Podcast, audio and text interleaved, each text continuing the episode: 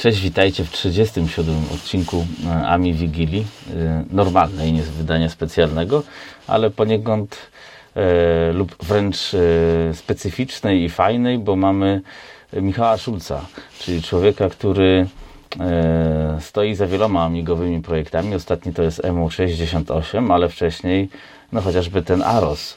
E, więc no myślę, że dużo ciekawych rzeczy się dowiemy e, z przyszłości i naszej trochę historii, mam nadzieję. Cześć. Cześć, witam.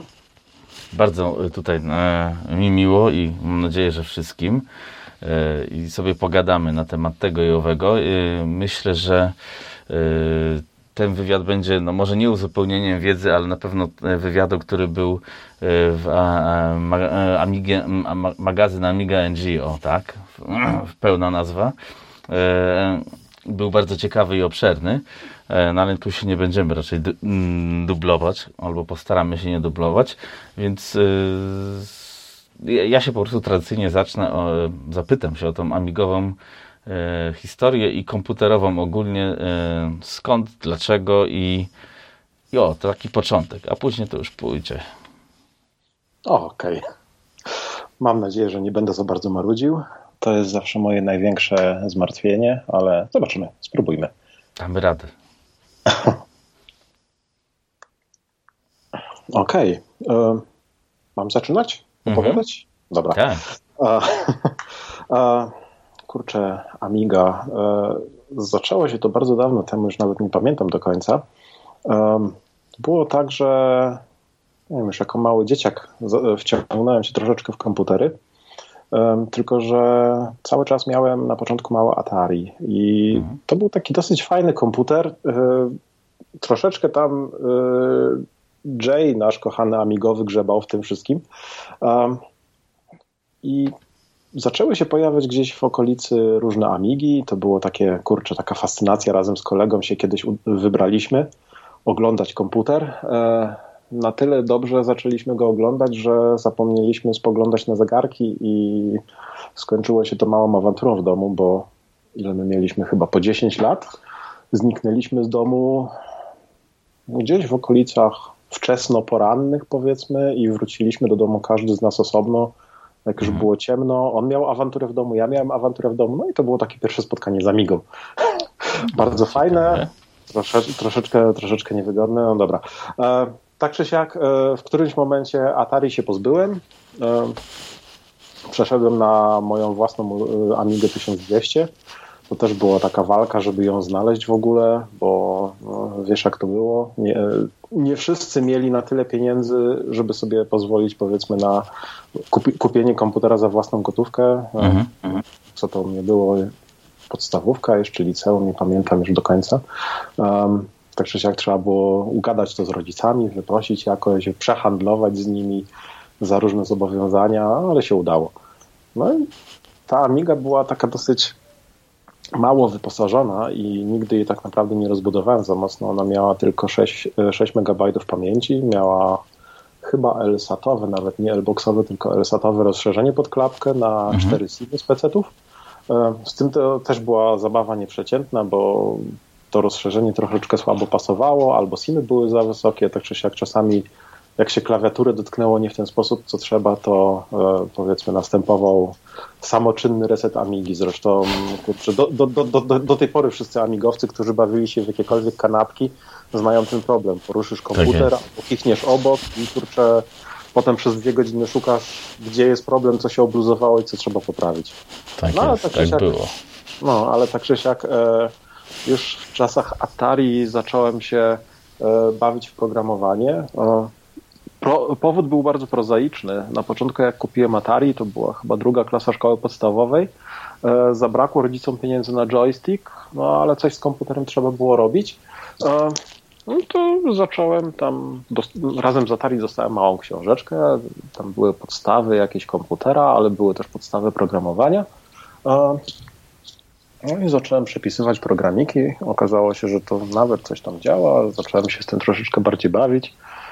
E, No i tak się, tak się w sumie zaczęło i tak mi do tej pory zostało. E, A w momencie, kiedy przeszedłem na Amigę, to pierwsze co spróbowałem, to było włączenie jakiegoś assemblera. Mhm. Pierwsza instrukcja, wpisałem RTS, skompilowałem, zadziałało, bardzo się cieszyłem, że o, tak samo jak na Atari, no to już jest fajny komputer, można programować. No i tak się potoczyło dalej. Tak czy siak, póki miałem, póki miałem Amigę, to programowałem prawie tylko i wyłącznie w Assemblerze. Z tamtych czasów niestety nic się nie, nic nie zostało, chyba tylko w grze Zdrajca jedna biblioteka pochodziła ode mnie, a całą resztę rzeczy, które w tamtym czasie robiłem, przepadły w dosyć Aha. brutalny sposób. Tak czy siak z tego, z tego, czasu się nic nie zachowało. Czyli ale ty zachow... też y, za zdrajcą stałeś, bo to była taka gruba gra, pamiętam wtedy, a... rozumiem. Ojejku, a wiesz co, zdrajca to jest zupełnie osobna historia i z jednej strony było to bardzo fajne i bardzo przyjemne doświadczenie, ale z drugiej strony e, praktycznie wszystkie osoby, które były w tą grę w jakiś sposób z, e, powiedzmy zapakowane albo które miały z tą grą coś wspólnego, e, odeszły od Amigi w sumie praktycznie z powodu tej gry. Mhm. Powiedzmy tak, o kurczę, kot zaczął rozrabiać. To było tak, że w momencie, w którym zdrajca powstał, wszystkie studia komputerowe, które robiły cokolwiek na Amigę, zainteresowane były grami mhm. i wszyscy mówili, że o fajnie, nowa gra na Amigę, super, e, tak to my ją chcemy na jednej dyskietce i w tym momencie próba argumentacji, że trochę tych dyskietek jednak więcej by musiało być, a tak naprawdę e, wydajemy grę na CD, e, kończyło praktycznie wszystkie rozmowy. Jedyna firma, która się odważyła spróbować, to była Eureka. To była taka dosyć długa wyprawa. Musieliśmy do wrześni pojechać. Najpierw pociągiem się ciągnęliśmy do Poznania, potem jakimś autobusem przez wioski, przez pole, lasy się trukotaliśmy, dojechaliśmy do wrześni. I tam zaczęliśmy handlować i przehandlowaliśmy całą tą grę, ale w drodze powrotnej wszyscy stwierdzili, wszyscy, którzy, którzy na tej wyprawie byli, że kurczę, E, Amiga się kończy, że to już za bardzo nie ma sensu i mhm. wszyscy skończyli w którymś momencie, prędzej czy później. No, no szkoda, no ale w sumie no trochę w tym racji, bo to był tam 90 który? 6, 7 rok? Czy coś takiego? A, chyba 96. No, tak czy siak to była ta płyta MACD4. Mhm, mhm. Tak, tak, tak, pamiętam. Dodatek tak, do magazynu Amiga. No i tak czy siak Eureka była w ogóle jedyna firma, która w jakiś sposób się odważyła. Myślę, że im się to spodobało, myślę, że eksperyment się udał, ale no, tak jak mówię, e, w naszym przypadku u wszystkich w jakiś sposób cała ta walka i użeranie się wybiło fascynację Amigą jakoś tak do zera. Nie to, że, nie to, że stwierdziliśmy, że Amiga jest sama niefajna, tylko, tylko po prostu zaczęliśmy dostrzegać to, że albo, albo to się kończy, albo nie widać jakiegoś, jakiejś sensownej przyszłości, no i tak czy siak każdy z nas dosyć szybko w sumie po zdrajcy to Amigę rzucił. Mhm. No trochę takie e, znamienne, że twórcy zdrajcy skończyli jako wszyscy, zdrajcy. Wszyscy się pasowali idealnie do tytułu. Tak. Wszyscy pasują do tytułu gry. Po prostu e, no, dosyć dobrze. Wiesz, każdy poszedł w sumie swoją ścieżką, każdy, każdy zaczął robić coś innego. E, Traitor do tej pory jest znany. E, zajmuje się profesjonalną grafiką, mhm. z Bagińskim współpracował i nie tylko, także, także wiesz, dzięki Amidze naprawdę wybił się strasznie wysoko i bardzo dobrze, nie? E, no, bardzo nie, nie jestem grafikiem, przynajmniej w tamtych czasach e, z mojego tamtego, no teraz to już wiadomo, że jest profesjonalistą, ale pamiętam, że on miał fajne prace, on chyba w Cinemie pracował 4D. Tak mhm, mi się coś tak. wydaje. Na początku jeszcze pracował e, z programem Imagine. E, no to pamiętam, jak, jak to moją Amigę 1200 kupiłem. On miał jeszcze 500 w tamtym czasie. No to przychodził do mnie i render, renderowaliśmy, bo dzięki temu, że miałem Fastram, to u mnie troszeczkę szybciej to jednak działało. No, no to taka była fajna zabawa. Nie? No, no to, to były... Włączało się komputer na, na noc albo na dwie i... Tak, tak.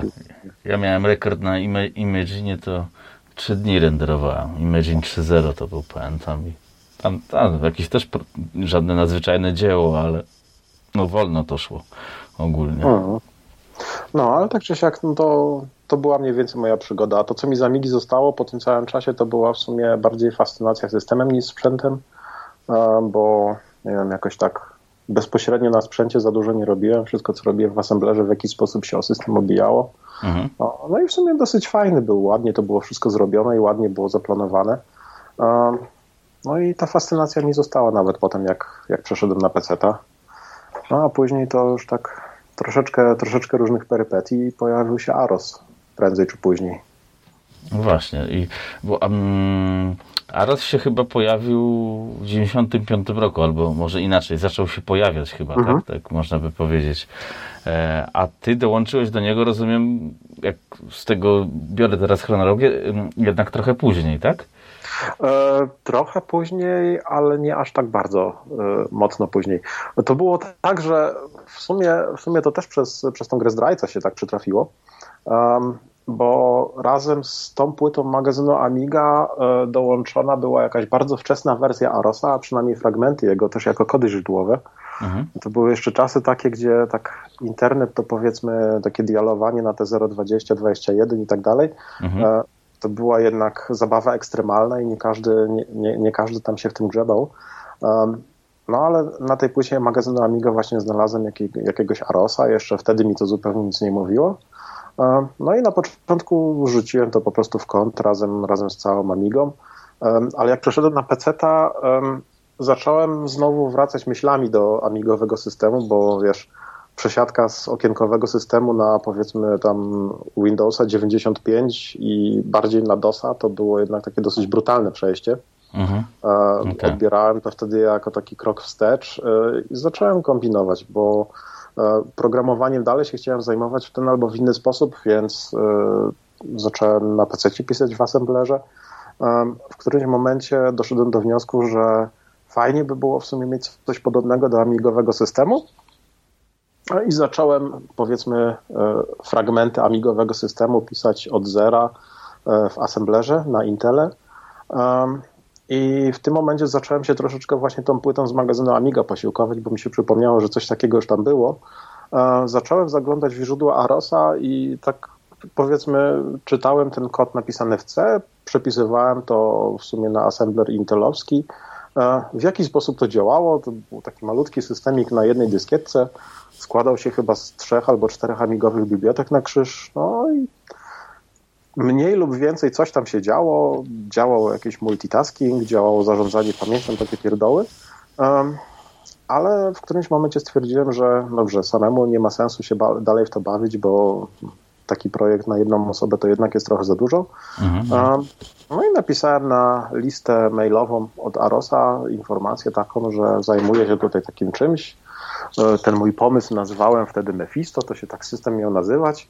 Um, I czy oni by byli zainteresowani tym, żeby w ogóle AROS działał jako samodzielny system na PC-tach, bo to moje coś już troszeczkę działa, już coś robi i może w tym momencie połączylibyśmy siły, żeby stworzyć coś razem. To był moment, w którym AROS tak naprawdę mm, działał tylko jako e, kilka bibliotek na Amigę. Po prostu, jeżeli był startowany w ten sposób, to parę bibliotek było zamienianych. Mhm i w jaki sposób się to tam uruchamiało, działało mniej lub bardziej dobrze. E, no a druga rzecz, która była z Arosem, to był tryb e, hosted e, pod Linuxem, też jeszcze w bardzo na, na, bardzo prymitywnym etapie rozwoju. A to, czego nie było, to były wszystkie te wersje natywne Arosa. No i jak połączyliśmy siły, powiedzmy, jak zostałem włączony do zespołu, to zacząłem właśnie w tym kierunku pracować, żeby, żeby AROS działał jako samodzielny system. No i w którymś momencie udało się. Powiedzmy, po, po dłuższej pracy, po dłuższym wysiłku, e, był taki jeden znamienny dzień. Pobiegłem na uczelnię na zajęcia, ale jeszcze przed zajęciami e, wysłałem Aronowi. To był w tamtych czasach e, główny prowodyr projektu AROS. Mhm i główny zarządca. Rzuciłem mu obraz dyskietki, żeby, żeby sobie to włożył do peceta, włączył peceta i zobaczył, co się dzieje. No i chwilę później na liście mailowej i na stronie Arosa pojawiło się, powiedzmy, pierwsze zdjęcie samodzielnie startującego Arosa z dyskietki na pececie. Hmm, to piękne przeżycie prawdopodobnie, tak mi się wydaje. Znaczy, no, mi się, ja tego nie napiszę nigdy, więc nie będę miał takich udziałów, ale musi być ciekawie powiedzmy to jest tak, że e, na początku, na początku nie dzieje się nic. Takie programowanie bardzo niskopoziomowe to jest na, na, na początku tylko i wyłącznie seria mniejszych lub większych porażek. Mhm. W którymś momencie, jak to zaczyna działać, to po prostu euforia jest taka, że nie wiem, w tamtym czasie o ile dobrze pamiętam, to chyba skakałem ze szczęścia po całym pokoju, że w końcu się udało, że w końcu zadziałało i tak dalej. No, wiesz, teraz w dzisiejszych czasach mamy różne maszyny wirtualne do zabawy, do, testo do testowania. W tamtych czasach to nie było aż takie proste. E, no Trzeba było sobie przygotować system, skompilować, nagrać, nagrać na dyskietkę, e, zrobić reset, uruchomić komputer na nowo, wystartować z dyskietki, zobaczyć, czy działa, czy nie działa e, po sprawdzeniu zresetować znowu, wrócić powiedzmy tam do Linuxa, Windowsa czy czego kto tam używał mhm. i zacząć pisać dalej. No tak, także, jest, także to ale, też nie jest takie proste. A powiedz mi te komponenty Aresa, czy, czy te części, które ty pisałeś, to jak to niskopoziomowe programowanie, bo to pewnie, pewnie w dalszej twojej działalności też tak jest, znaczy nie znam się, ale tak się domyślam. Mhm. E, czyli ty tego nie robiłeś tego w assemblerze, rozumiem, e, intelowym, tylko w jakimś języku takim normalnym, tak? Czy to trzeba na jakimś super niskim poziomie robić takie A... zręby systemu? Powiedzmy tak, e, to pierwsze coś, co pisałem pod Intela, było tylko i wyłącznie napisane w assemblerze, mhm. ale z czasem, jak się zajmowałem Arosem, albo nie wiem, albo, albo razem z wiekiem, E, zacząłem troszeczkę dojrzewać do tego, że jednak nie ma sensu bić się z assemblerem cały czas. Fajne doświadczenie, fajne rzeczy można zrobić, fajne rzeczy można się nauczyć, ale po prostu taka walka w assemblerze nie ma, nie ma, nie ma sensu, więc e, zacząłem coraz więcej pisać w C i tak w sumie zostało. W tym momencie, tak jak to jest teraz, to e, powiedzmy też w tym projekcie EMU68 E, on jest też bardzo niskopoziomowo napisany, ale staram się ilość wstawek w assemblerze ograniczyć do absolutnego minimum, bo to jest ciekawe doświadczenie, fajnie się to robi, fajnie się to pisze, można się próbować ścigać z kompilatorami, stworzyć coś lepszego, ale to się nie zawsze udaje i w dzisiejszych czasach kompilatory są na tyle inteligentne, że w wielu przypadkach generują kod dużo lepszy niż człowiek napisałby powiedzmy w porównywalnym czasie. Mhm. Nadal można stworzyć coś szybszego i lepszego, ale nakład pracy jest po prostu tak wielki, że moim zdaniem nie ma to już sensu. Mhm, No i też te, e, nawet te maszyny typu Pi są chyba na tyle wystarczająco, z tego co widziałem, co ostatnio wrzucałeś na, na Twittera, na tyle wystarczająco no. mocne, że po prostu gra trochę się nie warta świeczki robi, tak? E, nie tylko to.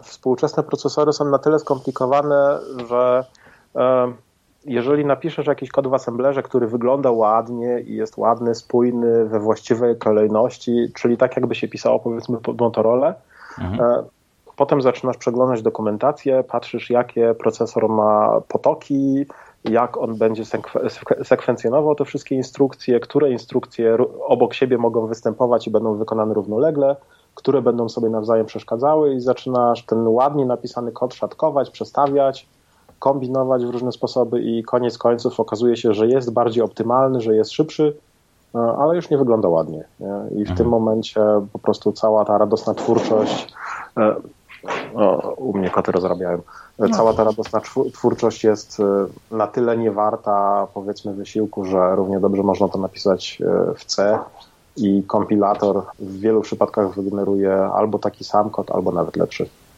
Mhm. Tym bardziej, że twórcy kompilatorów e, też mają dostęp do dokumentacji, też mają dostęp do informacji, jak optymalizować kod na dany procesor. I generatory kodu, które są w nowoczesnych kompilatorach, są na tyle dobre, że naprawdę czasem można się dosyć przyjemnie zaskoczyć. Mhm. Okej, okay. no tak, no to, to, w sumie dobrze mm, y, takich rzeczy się dowiedzieć, bo, bo ja byłem, raczej żyłem w tym y, świecie, że jak to stare dinozaury mówią, e, lepsze to już było i taki customowy mhm. kod był e, no, zawsze lepszy niż, niż to, co teraz ludzie tam, jak nawet słyszałem, kopiuj w klej ze Stack Overflow robią. A... tak, to obecnie standardowa skarbnica wiedzy wszystkich programistów. Bez no tego chyba świat wyrunął. Ale, ale no w szaleństwie może ma yy, no to jakiś sens. A tak się mnie tknęło, E, rozumiem, że w Amosie to nie, nie splamiłeś się Amosem. Od razu byłeś, e, poszedłeś tą drogą taką bardziej zaawansowaną. Splamiłem się oczywiście, jak najbardziej. Chyba, chyba każdy amigowiec dotknął Amosa prędzej czy później. Nie, wiesz co, z tego powodu, że pod, pod Atari jeszcze bawiłem się Basiciem, mhm. E, to na Amidze też e, podjąłem próby, ale to jednak nie było to samo. E, to było jakieś takie dziwne, mniej naturalne. Po atarowskich doświadczeniach, powiedzmy, bardziej się przyzwyczaiłem już do tego, żeby, żeby jednak coś tworzyć w assemblerze i tak mi zostało. Ale próby podjąłem, zobaczyłem, przepisałem jakiś program, spróbowałem się czegoś nauczyć i, i jakoś tak nie podeszło, powiedzmy. No to może to i dobrze, bo e, no, e, to byśmy dobrego programistę e, tutaj ten nie mieli, jakby. No chociaż nie, no to, to język jest, no tak, każdego się można nauczyć i zmienić. To chyba w bardziej o logikę tak, myślenia. Tak, i to jest też to, czego się z czasem nauczyłem powiedzmy tak, kiedyś na samym początku byłem maniakiem assemblera i uważałem, że wszystko inne to jest coś niepotrzebnego, że to jest, nie wiem, przerost form na treścią albo cokolwiek takiego. Potem przeszedłem na, na język C. Dalej assembler mi się podobał, ale wtedy te wszystkie bardziej wysokopoziomowe języki dalej mnie drażniły, dalej mi przeszkadzały i to dalej uważałem za jakieś, nie wiem, powiedzmy udziwnienie. Teraz z takiego powiedzmy programistycznego fanboystwa już e, wyszedłem jakiś czas temu i e, każdy język programowania to jest w sumie narzędzie i każde jest dobre do określonych zadań, ale nie do wszystkich. Nie? To, mhm. to nie jest tak, że mamy, nie wiem, powiedzmy idealny język, w którym można zrobić wszystko, tylko nie wiem, to, to są po prostu narzędzia. Wiesz, jeżeli chcę na przykład, nie wiem, wbić, wbić gwóźdź w ścianę, to e, mogę to zrobić kubkiem do kawy, a mogę też wziąć młotek. Jedno i drugie zadziała, ale jedno mhm. narzędzie będzie powiedzmy lepsze. Rozumiem. Okej, okay. ale programujesz ogólnie w, w C i, i w Assemblerze. W Assemblerze to kodujesz pewnie, trzeba e, powiedzieć. E, nie no, programuję to, wiesz. A, to się programuje. To się tak już systematyzuje wiedzę od razu. Kodowanie to powiedzmy był krótki epizod, e, jak się bawiłem Intelem i e, mój assembler jeszcze nie potrafił instrukcji MMX, a bardzo ich potrzebowałem, albo powiedzmy chciałem wypróbować i wtedy musiałem przegrzebać się przez dokumentację intelowską i sobie te fragmenty powiedzmy tam napisać w kodzie szesnastkowym. To, to bym nazwał kodowaniem. Okej, okay, no tak, to brzmi, brzmi soczyście. No, a jeżeli chodzi o języki programowania, to tak, e, assemblerem zajmuję się wtedy, kiedy muszę. E, nadal uważam, że to jest fajna wprawka, taka powiedzmy na myślenie, ćwiczenie umysłów, e, żeby spróbować sobie coś takiego, coś takiego napisać, mhm. spróbować powiedzmy wygrać z kompilatorem albo stworzyć coś lepszego. E, czasami nie ma innego wyjścia i trzeba złapać assemblera, zwłaszcza przy niskopoziomowych sprawach, ale e, języki wyższego poziomu też mi nie przeszkadzają. E, powiedzmy tak, dużo, dużo rzeczy piszę też w C. Nawet mi się zdarza w C pisać na mikrokontrolery. Mhm. Na większe maszyny też nie mam problemu z tym, żeby sięgnąć powiedzmy po, e, po coś takiego jak e, całe środowisko .NET Microsoftu. E, jeżeli, jeżeli chcę zrobić coś na szybko i nie zależy mi powiedzmy na ekstremalnej wydajności, to sięgam po Pythona i w tym piszę. Mhm. To są po prostu narzędzia. Nie? Wybieram okay, sobie tak, to, to wiesz, to y, z mojego punktu widzenia to tak y, brzmi tak soczyście, bo y, no, myślę, że dla mnie nauczenie się jednego języka programowania już by było czymś, a jak ty tu sobie możesz płynnie dobrać narzędzie do pracy, no to, no to chyba za dużo takich osób nie ma, tak mi się wydaje. A, nie do końca. To jest to, o czym ty powiedziałeś na początku, że to chodzi w sumie o sposób myślenia. Jeżeli e, nauczysz się myśleć e, w taki sposób, żeby móc programować, to w sumie wybór samego języka to jest, nie wiem, to jest kwestia składni tylko. Mhm. Tak, jeżeli, e, e, jeżeli znasz w sumie jeden albo dwa albo trzy języki programowania, to nauczenie się kolejnego to jest po prostu dosyć krótka chwila. Mhm. Czyli tak jak z językiem mówionym, też się mówi, że jak znasz... Im więcej wiem, języków znasz, tym jest prościej, dokładnie. Tak, tak, tak. tak. A już pokrewne to już w ogóle. No. Z Pythonem to też była taka zabawa, że e, musiałem sobie powiedzmy tam na uczelni dosyć duże dwuwymiarowe tablice przeliczyć, przeskalować, policzyć średnie, żeby troszeczkę mniejsze rozmiary miały. E, zacząłem to pisać w C, stwierdziłem, że kurczę, parsowanie pliku tekstowego w takim rozmiarze to będzie trochę zabawy, troszeczkę niewygodne, to może spróbujmy z C++. Trochę lepiej to wyglądało, ale też było za dużo roboty. Stwierdziłem, że dobrze, sięgamy po inne narzędzie. E, wtedy jeszcze Pythona nie znałem, ale tak jak już mówiłem, że to jest tylko kwestia składni. E, zużyłem powiedzmy tam godzinkę życia, żeby się nauczyć na tyle podstaw, żeby ten program szybko wklepać. Napisałem, zadziałał. Mhm. Wydajny powiedzmy nie był, ślimaczył się nie, nieziemsko, ale to nie było celem. Celem było to, żeby po prostu zrobić coś, co doprowadziło mnie w tym momencie do celu, który potrzebowałem i czy się liczyło powiedzmy tam 20 sekund, czy się liczyło 2 minuty, nie miało to większego znaczenia. Mhm, rozumiem. Tak czy siak. E, dobrze, dobrze siedzę, bo bym spadł, no ale e, no dobrze, ktoś ten, ktoś potrafi. tak troszeczkę e, luzując temat, zapytałbym się wobec tego, czy masz jeszcze jakieś tam klasyczne amigi w tym momencie. Czy to jest no, poza tym emu, którym się teraz chyba najbardziej intensywnie zajmujesz, ale czy, czy wróciłeś do tych amig, czy, czy jednak nie, emulacja, czy, czy w ogóle nie, nie za bardzo? E, to jest tak, że ze względu na EMU właśnie e, mam przed sobą płytę Amigi 500, mhm. a, ale w sumie dużo więcej do niej nie mam. Tam wisi jeszcze na kabelku myszka trumienka, którą moja żona stara się jakoś tam zutylizować mhm. w ten albo inny sposób. E, wisi sobie, wisi sobie stacja dysków na kabelku, ale dużo więcej tam tak naprawdę nie ma. E, Wiesz co, e, a jeżeli chodzi o sam powrót do takiego retroamigowania, to nie mam za bardzo jakiejś większej potrzeby. To było fajne, to powiedzmy był fajny kawałek historii. To, co mi teraz sprawia frajdę tam, to jest, to jest programowanie, ale nie wiem, powiedzmy takie retro, no dobrze, przychodzi co jakiś czas mój syn popatrzeć, się pyta co to jest, o tutaj mhm. tata co robisz, o ciekawie to wygląda, mhm, ja dobra synu chciałbyś tutaj troszeczkę bardziej się pobawić, spróbować w coś zagrać, albo coś, nie, nie chcę tata.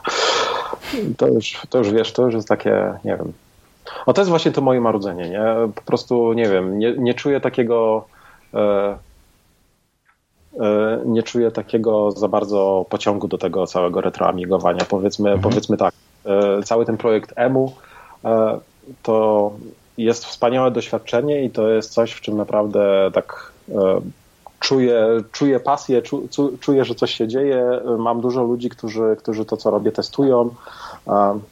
I to po prostu sprawia olbrzymią frajdę, ale nie wiem, tak żeby, tak żeby sobie tutaj kupić Amigi albo zacząć zbierać coraz więcej takich Amig, to, to nie, to raczej, to raczej nie, jest, nie jest w moim stylu.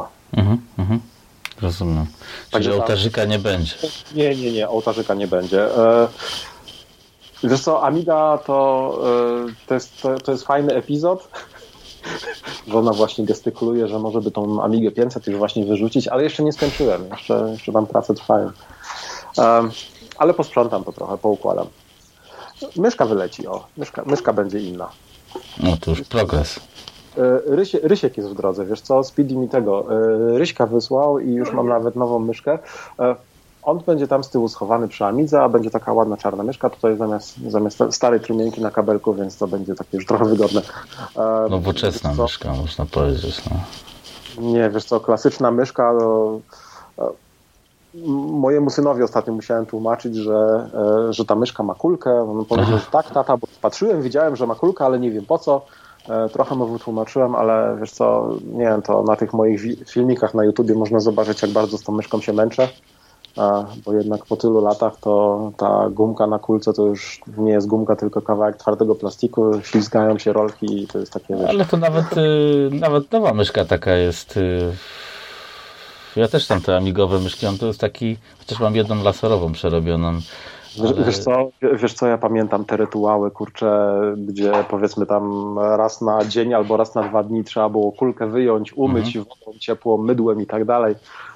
I potem przez chwilę nawet działała.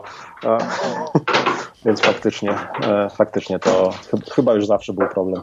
I nie było innego wyboru właściwie. No. Mm, no. No, a jeżeli chodzi o samą Amigę jeszcze, to tak jak Ci już mówiłem, najbardziej to mnie tam e, system pasjonował i dlatego też, e, dlatego też się powiedzmy bawiłem w tego całego Arosa. Um, nie wiem, a sprzęt, no dobra, sprzęt był fajny, dużo potrafił jak na powiedzmy swoją cenę i tamte czasy, ale nie wiem, nie jestem fascynatem i hmm. Ani nie będzie u mnie ołtarzyka, ani powiedzmy, nie wiem, zbieranych kartonów, oryginalne pudełko od Amigi, albo nie wiem, e, Amiga nieotwierana jeszcze, jakieś te wszystkie nosy i tak dalej. Tego nie będę zbierał. To, mm -hmm.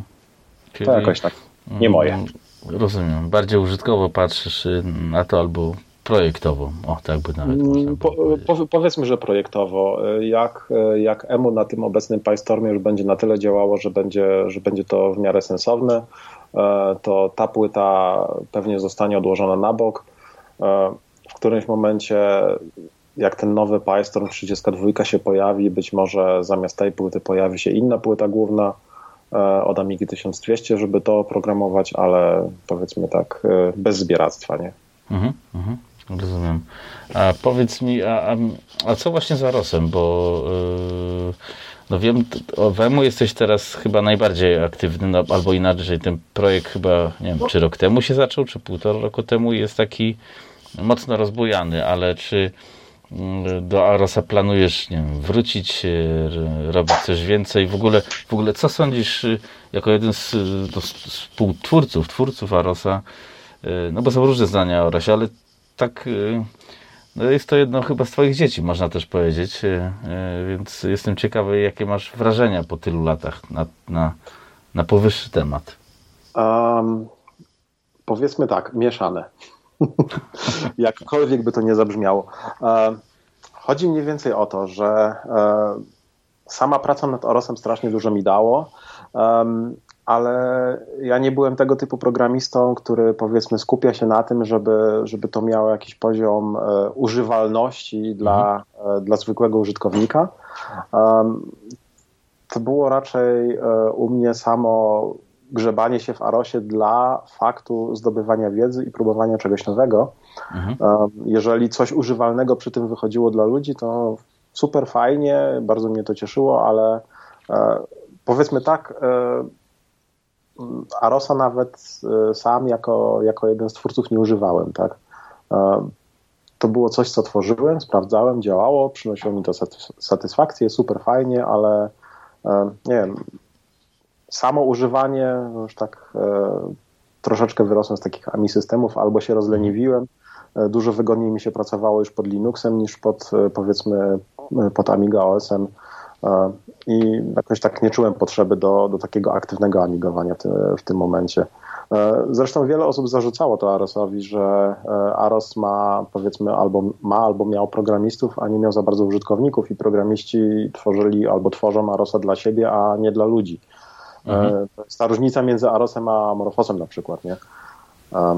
Tak, ale ja mam wrażenie jako użytkownik, że cały czas te systemy cierpią na E, wszystkie amigowe systemy, no teraz Amiga OS to już cierpi na inne rzeczy z powrotem, ale e, my cały czas cierpimy, że u nas chyba nie ma, tak jak się mówiło, lidera projektu, który powie, to ma być zrobione, to musi działać, bo to potrzebuje, nie wiem, Szary Kowalski i to faktycznie takie znaczy ja szanuję tą robotę, bo ja bym jej nie zrobił, bo po prostu nie umiem i chyba za głupi jestem na takie numery. E, wiesz co, w przypadku Arosa um do tej pory w drużynie nie ma za bardzo, powiedzmy, jednolitego zdania na ten temat. E, niektóre osoby siedzą, powiedzmy, zajmują się Arosem tylko dlatego, że mają tam absolutną swobodę.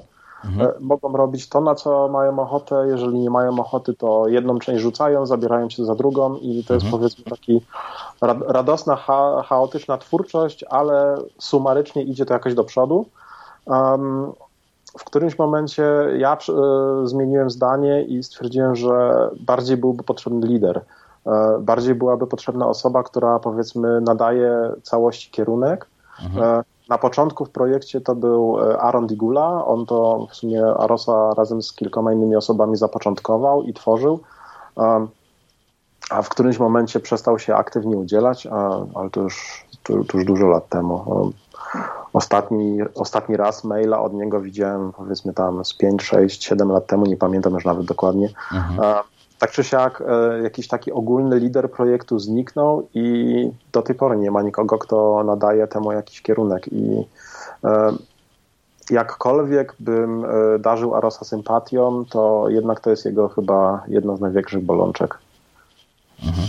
Bo, no tak, wiesz, no bo... bo wiesz, taki, e, taki lider byłby powiedzmy w stanie e, kierować procesem tworzenia systemu w takim kierunku, żeby powiedzmy to było bardziej używalne albo żeby skupić się na naprawianiu tych rzeczy, które powiedzmy użytkownikom w tym momencie najbardziej przeszkadzają, a E, w tym momencie mamy taką sytuację, że w sumie mamy głównych programistów, którzy, którzy przy kodzie źródłowym coś robią, ale potem e, mamy takie osoby jak na przykład Paolo, który, który tworzy tą swoją własną dystrybucję Icaros.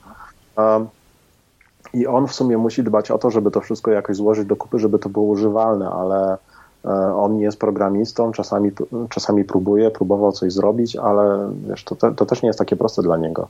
Mhm. I mi się wydaje, że w tym momencie, jeżeli byłby na przykład jakiś lider projektu, to Paolo mógłby z nim się komunikować, mówić, że użytkownicy Icarosa chcieliby tego, chcieliby tego, że to nie działa, albo to jest największym problemem i wtedy można by się było na tym jakoś skupić i pchać to do przodu, a e, tak w tym momencie e, w drużynie Arosa aktywnych jest, nie wiem, 4, 5, 6 osób mhm.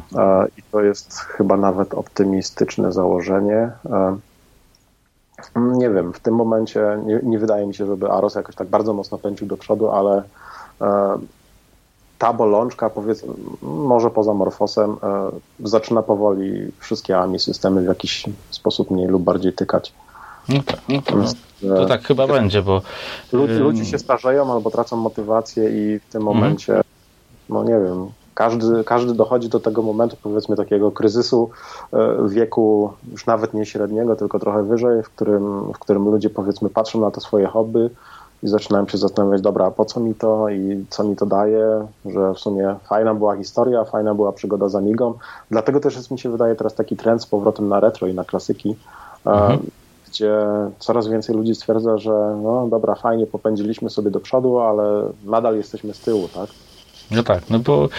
To nie, to, to, nie, to nie jest tak, że, że, że amigowcy próbują w jakiś sposób świat dogonić, to jest raczej próbowanie złapania tego, co z tego świata odpada, wepchnięcia tego jakoś do, do Amig NG i próbowanie zrobienia z tego, z tym czegoś sensownego, tak, ale mhm. nie wiem, no, mi się wydaje, że to jest droga przez mękę, która koniec końców doprowadzi tylko i wyłącznie do tego, że, że ludzie się wykruszą całkowicie. No tak, no niestety myślę, że możesz mieć dużo racji, no bo ja też tak patrzę na to. za Nie, nie, to, to ja, bo ja mam podobno y, defetyzm zaszyty we krwi, więc, więc wiesz, ale, y, ale faktycznie ja też to widzę tutaj po, po tych y, swoich sprzętach NG, a właściwie OS4, że no nie ma po co tego włączać, no bo jeszcze tak 5-6 lat temu to bardziej było. A, no to fajniej sobie tego klasyka włączyć, ewentualnie właśnie jakąś emulację czy, czy coś, no bo koniec końców i tak muszę wyciągnąć tu laptopa, żeby cokolwiek zrobić. No. no. Wiesz co, to ja, ci powiem, to ja ci powiem tak. E, jak od e, e, to nie było Cloanto, to był A-Cube, dostałem w którymś mhm. momencie Samantę 440, żeby na nią Arosa właśnie przenieść to była taka sytuacja, że razem z tą Samantą dostałem też Amiga OSA 4. Zainstalowałem nawet równolegle na dysku. Na początku to był taki test, czy, czy Aros razem z OS4 się jakoś pogryzą, czy będą razem współpracowały, mhm. czy da się obydwa razem wystartować. Poużywałem przez, nie wiem, przez godzinę, przez pół godziny Amiga OSA 4 i stwierdziłem, że, że to jednak nie jest dla mnie, że ja się w tym już nie czuję, że klasyki były fajne, ale powiedzmy NG już, już w tym momencie przestało mnie jakoś tam mniej lub bardziej pociągać. Mhm. W taki sposób, żebym był skłonny tego nie wiem, włączyć, używać i próbować coś z tym robić. No tak, to trochę E, trochę zabija sens faktycznie tworzenia czegoś w tym momencie, no bo to takie, chyba że faktycznie sztuka dla sztuki. No. Um, wiesz co, tak jak ci mówiłem, e, ja cały czas się zajmowałem Arosem w sumie e, dla samego siebie, tak? Bo ja się przy tym czegoś nowego uczyłem, zdobywałem doświadczenie, którego żadna książka by mi nie dała, ani żaden kurs online, bo mhm. wiesz, jesteś wrzucony na głęboką, drogę, e, głęboką wodę, tak jak chociażby właśnie z A-Cube'a dostałem Samantę 440 razem z założeniem, że dobrze tutaj powiedzmy wypłacimy jakieś tam małe bounty, ale przenieś Arosa na to, tak? Mhm. I w tym momencie, wiesz, pojawia się, pojawia się nowy komputer, którego nie znasz, e, pojawia się BIOS, którego nie znasz, bo e, tam jest ten UBOT. E, mhm. Pojawia się powiedzmy zupełnie nowy procesor, a w przypadku procesorów PowerPC to, jest, e, to nie jest tak jak na Intelach, gdzie kurczę e, w trybie supervisora każdy Intel w sumie programuje się dokładnie tak samo. W przypadku PowerPC jest zupełnie inaczej. E, prawie każdy procesor ma w inny sposób rozwiązane zarządzanie MMU i takimi innymi pierdołami. Także to było zupełnie coś nowego. To było takie doświadczenie, nie wiem, e, takie wiesz, wrzucają cię na głęboką wodę, dostajesz jakieś konkretne zadanie. W tamtych czasach jeszcze te bounty były mniej więcej zawsze tak na pół roku planowane. Mhm. W tym czasie musisz to poznać, zrozumieć, przenieść powiedzmy najbardziej podstawowe części systemu operacyjnego, zrobić zarządzanie pamięcią, zrobić zarządzanie, e, przełączanie procesu, procesów i tak dalej, zarządzanie taskami. E, w którymś momencie to zaczyna działać, ale to jest takie, wiesz, niskopoziomowe doświadczenie, powiedzmy, bez żadnych narzędzi, które mogą ci w tym jakoś pomóc albo ułatwić życie. No, jedyne, co masz tak naprawdę na początku, to jest, powiedzmy, konsola szeregowa e, w najbardziej prymitywnej postaci, gdzie, nie wiem, pierwsze, pierwsze twoje zadanie to jest jakieś zobaczenie na konsoli, na PC jakiejś literki, którą wysłałeś z komputera i jak już to zadziała, to potem próbujesz trochę więcej, trochę więcej, trochę mhm. więcej. W którymś momencie kończysz na systemie, który powiedzmy tam startuje z płyty CD, y, działa i nie ma żadnych problemów. No, to, czyli to taki jeden wielki eksperyment trochę. Za każdym, za każdym razem przy każdej nowej platformie to jest zawsze jeden wielki eksperyment, który albo się kończy dobrze, albo się kończy źle. Mhm. Okej, okay, rozumiem. A yy, tak się, bo Właściwie chciałem się, to jaką trzeba mieć, nie wiem, no, predyspozycję, wiedzę, bo poza chyba e, mega mózgiem, żeby to ogarniać, to, no bo to jak mówisz, to właściwie ty nie masz ani, no nie wiem, czy jakaś dokumentacja, no po prostu nic nie ma i coś trzeba zrobić. Dokumentacja często jest, ale często jest niekompletna. E, mhm. Na przykład e, w przypadku Efiki od Genezi, to jest mhm. procesorem PowerPC, też ją mam gdzieś jeszcze w szafie. Też w którymś momencie dostałem zadaniem przeniesienia Arosa i tam był Open Firmware zainstalowany, mhm. który teoretycznie powinien działać, powinien ładować mój system, ale nie ładował na początku. Wszystkie pierwsze próby kończyły się zawsze twardym resetem albo kompletnym zawieszeniem komputera. Nic nie chciało zadziałać, nic się nie działo. Um, okazało się, że w, w, tym, w tym Open Firmware, które, które było powiedzmy w Efice, e, był błąd, że jeżeli plik wykonywalny, który ładowałeś był za mały, to Efika powiedzmy zapominała wyczyścić cache procesora i w tym momencie po prostu skakało to, nie wiem, powiedzmy w próżnię mhm. zamiast do twojego programu i to trzeba było też w jaki sposób znaleźć i niestety to było, e, to musiałem na drodze prób i błędów wykopać. A jeżeli chodzi o predyspozycję, to mm, nie wiem, mi się wydaje, że najważniejsza rzecz to jest, e, to jest powiedzmy otwartość na coś, e, czego jeszcze nie znasz, tak? Bo e, wiele osób wiele osób stwierdza, że na przykład nie wiem, tego nie znam, a dobra, to nie będę próbował, bo nie znam, bo nie umiem, bo nie zadziała. Mhm. Ja bardziej praktykuję takie podejście, że jeżeli nie wiem, nie umiem, nie znam, no to można się nauczyć, tak? Bo to jest zawsze coś nowego, czego się nauczyłeś, a nie wiem, moim zdaniem uczyć się można całe życie i e... no tak, ale to masz i od razu powiem, no, y, faktycznie duszę naukowca, bo zresztą jesteś, nie? Bo jesteś przecież y, doktorem, to, czyli jednak jesteś naukowcem. Y, I to no, chyba no, dlatego, bo normalny człowiek to... Słucham? E, no, nie, nie, w porządku, w porządku. A, dobra, bo, bo ja. E, ale no, tak mi się wydaje, że to jest, wiesz, e, no to, to są predyspozycje, nie? Bo nie każdy tak ma. No właśnie większość tak nie ma, tak mi się wydaje.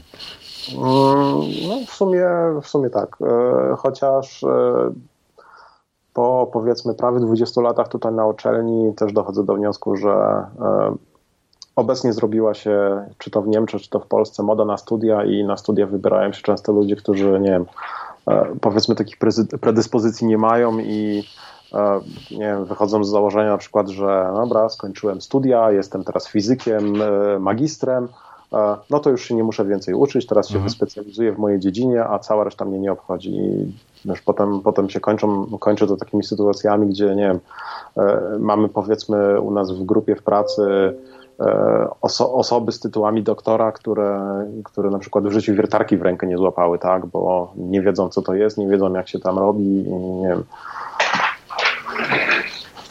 I boją. Znaczy ogólnie chyba dużo też z mojego doświadczenia w Niemczech jednak ten tytuł magistra ma dużo większą e, moc i, i, chyba i finansową, i prestiżową niż w Polsce, nie? Bo w Polsce no też jest moda na studia, ale czy była, ale, ale jednak w Niemczech to jednak um, tytuł taki magistra, doktora to już nie mówię, no to jest, no można tym się pochwalić na skrzynce pocztowej, powiedzmy tak, nie? Czy tam na skrzynce, na listy, znaczy, o.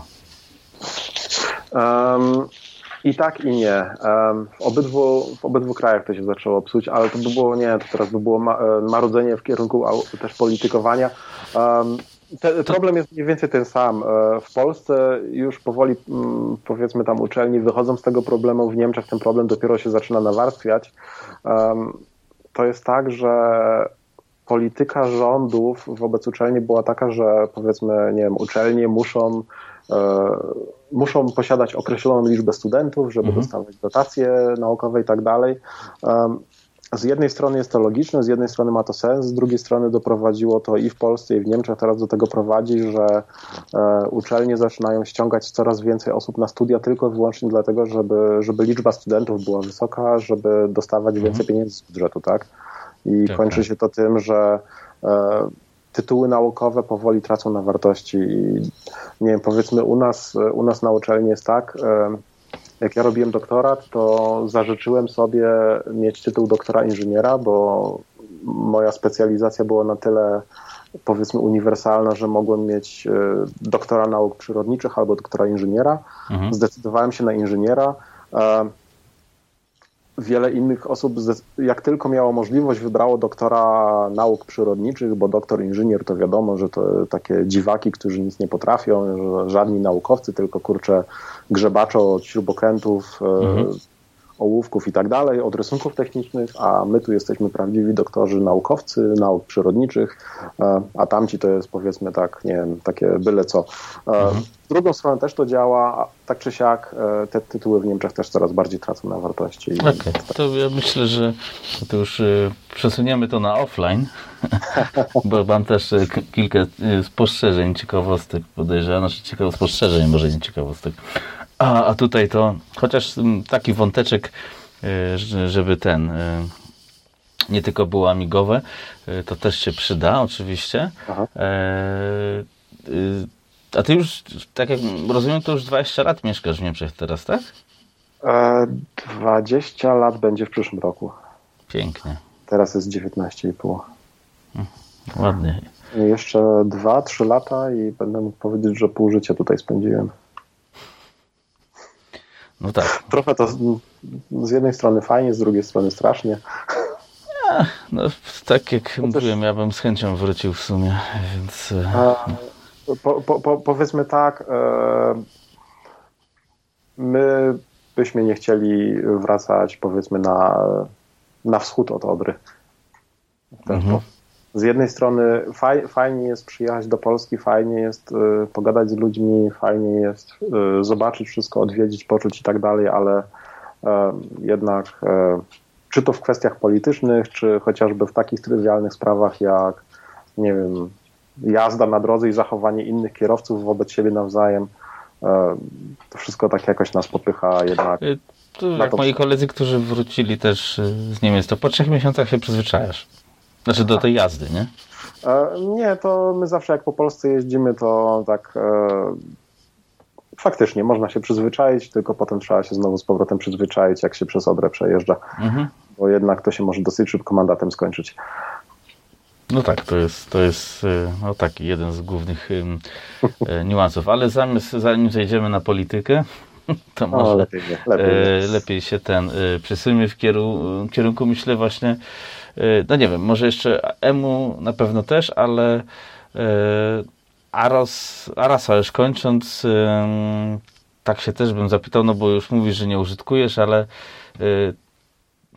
nawet jeśli zarazem coś by się wydarzyło, no bo to jest system, który na przykład chyba jako, nie no nie jak chyba, tylko jako jedyny na razie amigowy ma 64 bity wsparcie. Uh -huh. I został, tak się mówi, że to jest system, który taki jest powiedzmy tym, czym był Darwin dla macOSa, o tak przerysowując. E, ale czy ty widzisz y, szansę, że Aros, bo mnie Aros na przykład odpycha tym, co chyba większość osób, że no jednak nie działa na tym zwykłym PC-cie. No bo to mhm. zawsze trzeba wycudować. I czy ty mm, w ogóle, jeśli byś widział, czy, czy jak to powinno wyglądać, czy możemy, o, tak pofantazjować, a później już możemy przejść na, na, na ptaki, że tak powiem.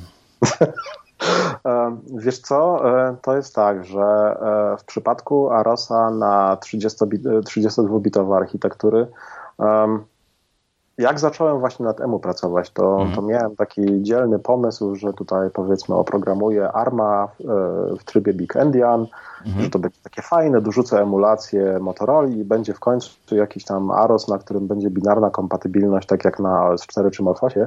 Mhm. E, w którymś momencie doszedłem do wniosku, że powiedzmy, zresztą ostatnio w prezentacji na Ami West też to pokazałem, że e, takie zo różnych formatów binarnych, różnych e, targetów, procesorów i tak dalej, e, że to jednak bardziej szkodzi niż pomaga i e, przynajmniej w mojej opinii, jeżeli chodzi o 32-bitowe architektury, równie dobrze możemy wszystko pozostawić przy, przy Motorola, a, mhm, mhm.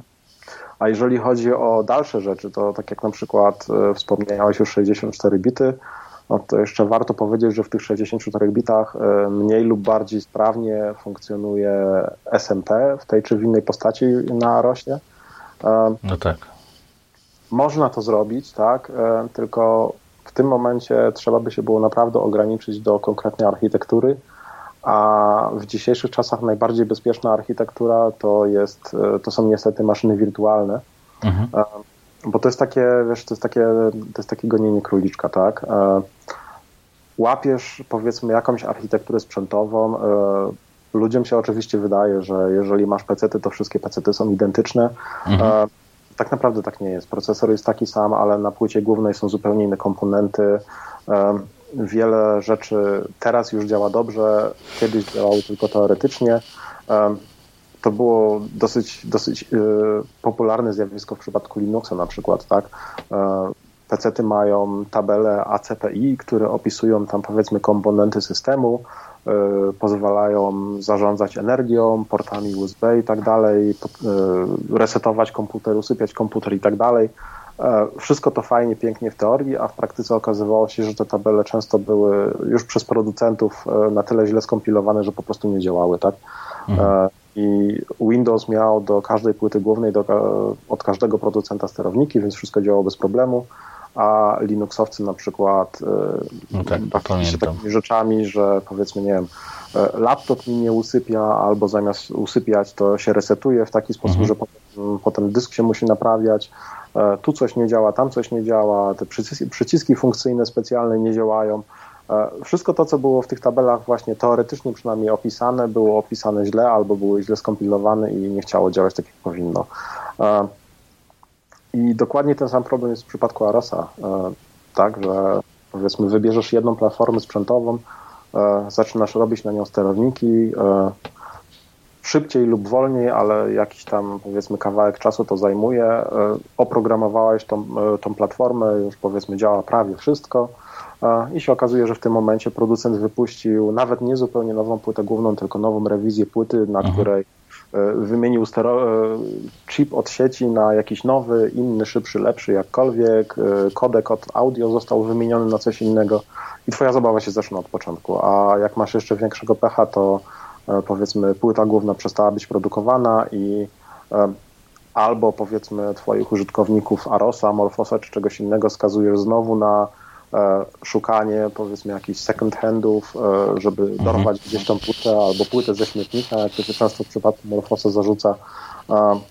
bo nowe już nie dostaniesz w sklepie i wiesz, wtedy sięgasz po kolejną nową płytę główną, zaczynasz programować i cały cyrk się powtarza od początku. Dlatego w obecnych czasach, jeżeli na przykład ktoś się odważa sięgnąć po platformę Intelową, to naprawdę, tak jak w przypadku Arosa, najbezpieczniejsze by było zabawa z maszynami wirtualnymi, bo tam masz mniej lub bardziej usystematyzowany sprzęt. Ten sprzęt się dosyć mało zmienia, powiedzmy, razem z czasem. Oczywiście mhm. zmienia się typ procesora, bo procesor jest wtedy e, w trybie hypervisora używany, więc w sumie maszyna wirtualna widzi dokładnie taki procesor, jak ty masz, ale wszystkie inne sprzętowe komponenty są dosyć stałe i niezmienne, więc to pozwala e, dosyć bezpiecznie się poruszać, rozwijać to wszystko, ale wiesz, ale w tym momencie dochodzisz też do takiego momentu, że e, nie wiem, ktoś na przykład, żeby popracować z, z takim 64-bitowym AROSem w bezpieczny sposób i bez żadnych niespodzianek, musi na przykład VMware odpalić albo jakąś inną maszynę wirtualną.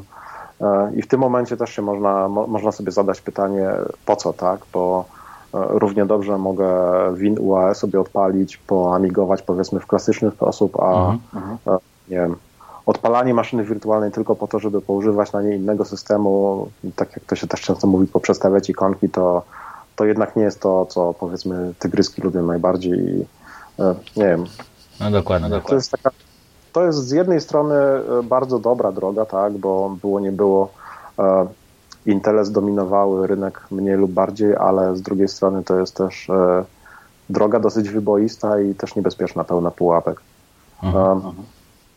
I e, w tym momencie też doszedłem do takiego wniosku, że e, w przypadku takich zupełnie nowych NG dużo prościej byłoby na przykład, i też, też zacząłem to robić, ale niestety czasu na to nie mam w tej chwili, wykorzystać na przykład Linuxowy kernel, E, zrobić mu całą przestrzeń użytkownika, zaczynając już od podstawowych bibliotek, zupełnie inną od tego, co jest normalnie na Linuxie używane i stworzyć w ten sposób nowy system operacyjny, ale nie od samego zera, czyli nie od kernela, mhm. tylko wziąć kernel, który jest powiedzmy robiony przez e, nie, nawet, nawet nie setki, tylko tysiące programistów, którzy, którzy dostają wsparcie do, permanentne od producentów sprzętu, którzy dostają sprzęt do programowania, do testów, żeby sięgnąć po prostu po to, czego amigowcy sami nie są w stanie już naprawdę zrobić na dobrym poziomie, żeby działało na w wielu różnych platformach albo na wielu różnych komputerach i zająć się całą resztą.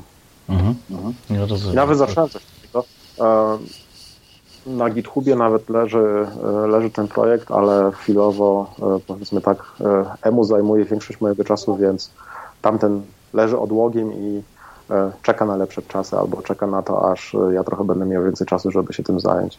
Ale no tak czy siak, to jest też tak, że wielu ludzi próbuje uniknąć takiego rozwiązania, tak? bo to się wtedy zawsze nazywa, że ojejku, to będzie znowu kolejny Linux, że kolejnego Dokładnie. Linuxa nie potrzebuje. Um, ale w tym wypadku chodzi o to, że Linux to jest tak, tak, naprawdę tylko kernel, a to co, to, co ludzie widzą jako, jako desktop, jako przestrzeń użytkownika, to jest e, powiedzmy całe środowisko GNU, e, razem powiedzmy, nie wiem, z, z GNOME na, e, jako, jako zarządcą okien, albo z KDE, albo z czymś innym. Mm -hmm. To jest to co, to, to, co ludzie kojarzą z Linuxów, a tak naprawdę samego Linuxowego kernela widzą tylko wtedy, jeżeli się pojawia jakaś aktualizacja, na której jest napisane tam powiedzmy Linux kernel 5. coś tam musi być zaktualizowany i trzeba wtedy zrestartować komputer. Mhm. I to jest tak, tak, naprawdę jedyny moment, w którym oni zauważają, że coś takiego jak Linux istnieje tam pod spodem. Um, równie dobrze, jeżeli takim użytkownikom zaserwować by dokładnie takie same środowisko okienkowe na kernelu BSD albo na kernelu jakimkolwiek innym, chociażby nawet na Darwinie, to myślę, że za bardzo różnicy by nie zauważyli. Mhm. Mhm. Czyli no, bo to już e, był taki u nas na PPA, świnka morska słynny, co zawsze mówił, e, że Linux i Amigowe GUI, ale... Chwilowo w tym temacie udziela się na e, Amiga World. Aha, no proszę. Ale rozumiem, że, y, bo mi się też kiedyś tak wydawałoby, no, tylko że ja mówię, nie znam się, to się wypowiem, jak, y, że to by było najlepsze rozwiązanie, jeśli w ogóle mówimy o jakiejś przyszłości, bo wiele osób też y, zarzuca, że to już nie jest Amiga, że to już nie jest hobby, że to jeśli, bo to, no nie wiem, i, no, chcielibyśmy znowu podbijać świat, no to, to, to już nie jest to, bo nie ma jeszcze wstępnej kompatybilności Czyli ty byś jednak poświęcił te rzeczy na, jeśli byś robił na rzecz takiego nowoczesnego podejścia. Wiesz co, raczej bym nie miał z tym problemu, tym bardziej, że da się to zrobić w ten sposób, żeby nawet programiści, którzy powiedzmy piszą pod amigowy system, mieli może nie 100% wrażenia, że pracują pod Amigą, ale powiedzmy 90-95% mhm. było takie same albo bardzo podobne do tego, co znają z Amigi, więc w ten sposób nie to, żeby była jakaś kompatybilność zachowana, tak? E, jeżeli chcemy kompatybilność, uruchamiamy UAE i mhm. jest to nasza taka maszyna wirtualna do klasyków, powiedzmy. Dokładnie. Um, ale jakiś poziom kompatybilności, przynajmniej na poziomie kodu źródłowego, byłby zachowany. E, można by się było wtedy skupić na nowych rzeczach, e, miałoby się ochronę pamięci, miałoby się SMP, miałoby się wszystko to, co dla amigowców powiedzmy jest takim świętym gralem, o który każdy walczy, każdy się stara i każdy powiedzmy jest szczęśliwy, jeżeli coś się udało i a każdy, któremu się nie udało, albo kolejna próba powiedzmy spełzła na niczym, to Rzeczy są tak po cichutku w kącie chowane, zakopywane pod piasek i dobrze udajmy, że się nic nie stało i walczymy mm. dalej. Tak? Okay. Więc takie coś by odpadło, można by się było w tym momencie naprawdę zająć tworzeniem czegoś nowego i to by było w sumie nawet ciekawe, tylko do tego, do takiego projektu potrzeba by było dużo więcej programistów. Mhm. E, powiedzmy sobie szczerze, to co, to co ja zacząłem, to się, te, tego całego Arixa, e, to są podstawy, to są, to są zręby bibliotek, y, powiedzmy takie mniej lub bardziej rozwinięte koncepty tego, co mogłoby z tego wyjść, mhm. um, ale jeżeli środowisko amigowych programistów nigdy by się nie zjednoczyło i nie stwierdziłoby, że dobrze, e, uznajmy, że to jest coś zupełnie nowego, zróbmy to razem ponad podziałami, e, to i tak z tego nic nie będzie. Okay. Tak, e, zobacz, w tym momencie mamy tak, że mamy środowisko programistów Morfosa, którzy powiedzmy mają obojętny stosunek do Arosa, mają bardzo negatywny stosunek do OS4. Mhm. Programistów Arosa, którzy powiedzmy się powolutku wykruszają, ale nie wiem, starają się nie mieć żadnego stosunku albo stosunek co najmniej neutralny do, do wszystkich innych. Mhm. E, mamy programistów OS4, tam nie wiem, po ostatnim AMI West też, też widać, że coś tam się dzieje niedobrego w tym środowisku. Tak. Z jednej strony się starają, z jednej strony coś robią, ale z drugiej strony pojawiają się jakieś rozłamy.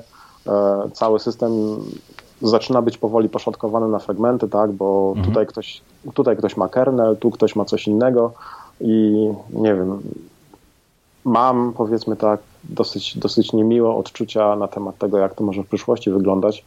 Um, I jeżeli dalej to się będzie tak fragmentowało i dzieliło na coraz mniejsze grupki, to w którymś momencie, wiesz, skończy się na tym, że każdy będzie miał powiedzmy swoją własną dystrybucję, że będzie tam, nie wiem, Frieden OS, będzie Michał mhm. OS, będzie Jaca OS i tak dalej. I co nam z tego wyjdzie? Nic nam z tego nie wyjdzie. Każdy będzie miał swoją frajdę, każdy będzie miał powiedzmy pięciu oddanych użytkowników, a cała reszta sobie odejdzie, bo stwierdzą, że to nie ich cyrk, nie ich małpy i to, takie podziały ich nie bawią. Mhm.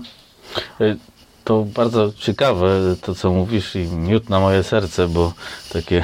No, wydaje mi się, że dużo osób odbierze to jako marodzenie, narzekanie i po, Powiedzmy, pewnie, nie chwala krytyki i potem się wyleje. Tak. Powiedzmy, tak. pewnie tak, ale jeśli ktoś, bo my tutaj teraz mówimy o teoretycznej przyszłości, jak mogłoby to wyglądać, więc tu nie jest narzekanie, tylko mm, raczej wizja, jak można by było to zrobić i ja też właśnie jestem ciekawy, no bo narzekanie to jest, bardziej by było, że powsta powstaje system V54, czyli to, co wspominałeś, Amigo OS już o innej nazwie i tak dalej, tam I teraz jest pytanie, czy mm, właśnie to nie doprowadzi do, do czegoś takiego, że, że to mogłoby się tak rozłamać i faktycznie pójść w kompletne nowe rozwiązanie, bo ja też szczerze powiedziawszy nie, nie jestem pewien, czy MorphOS-a e, da się przenieść na Intela w aspekcie tego, co mówiłeś.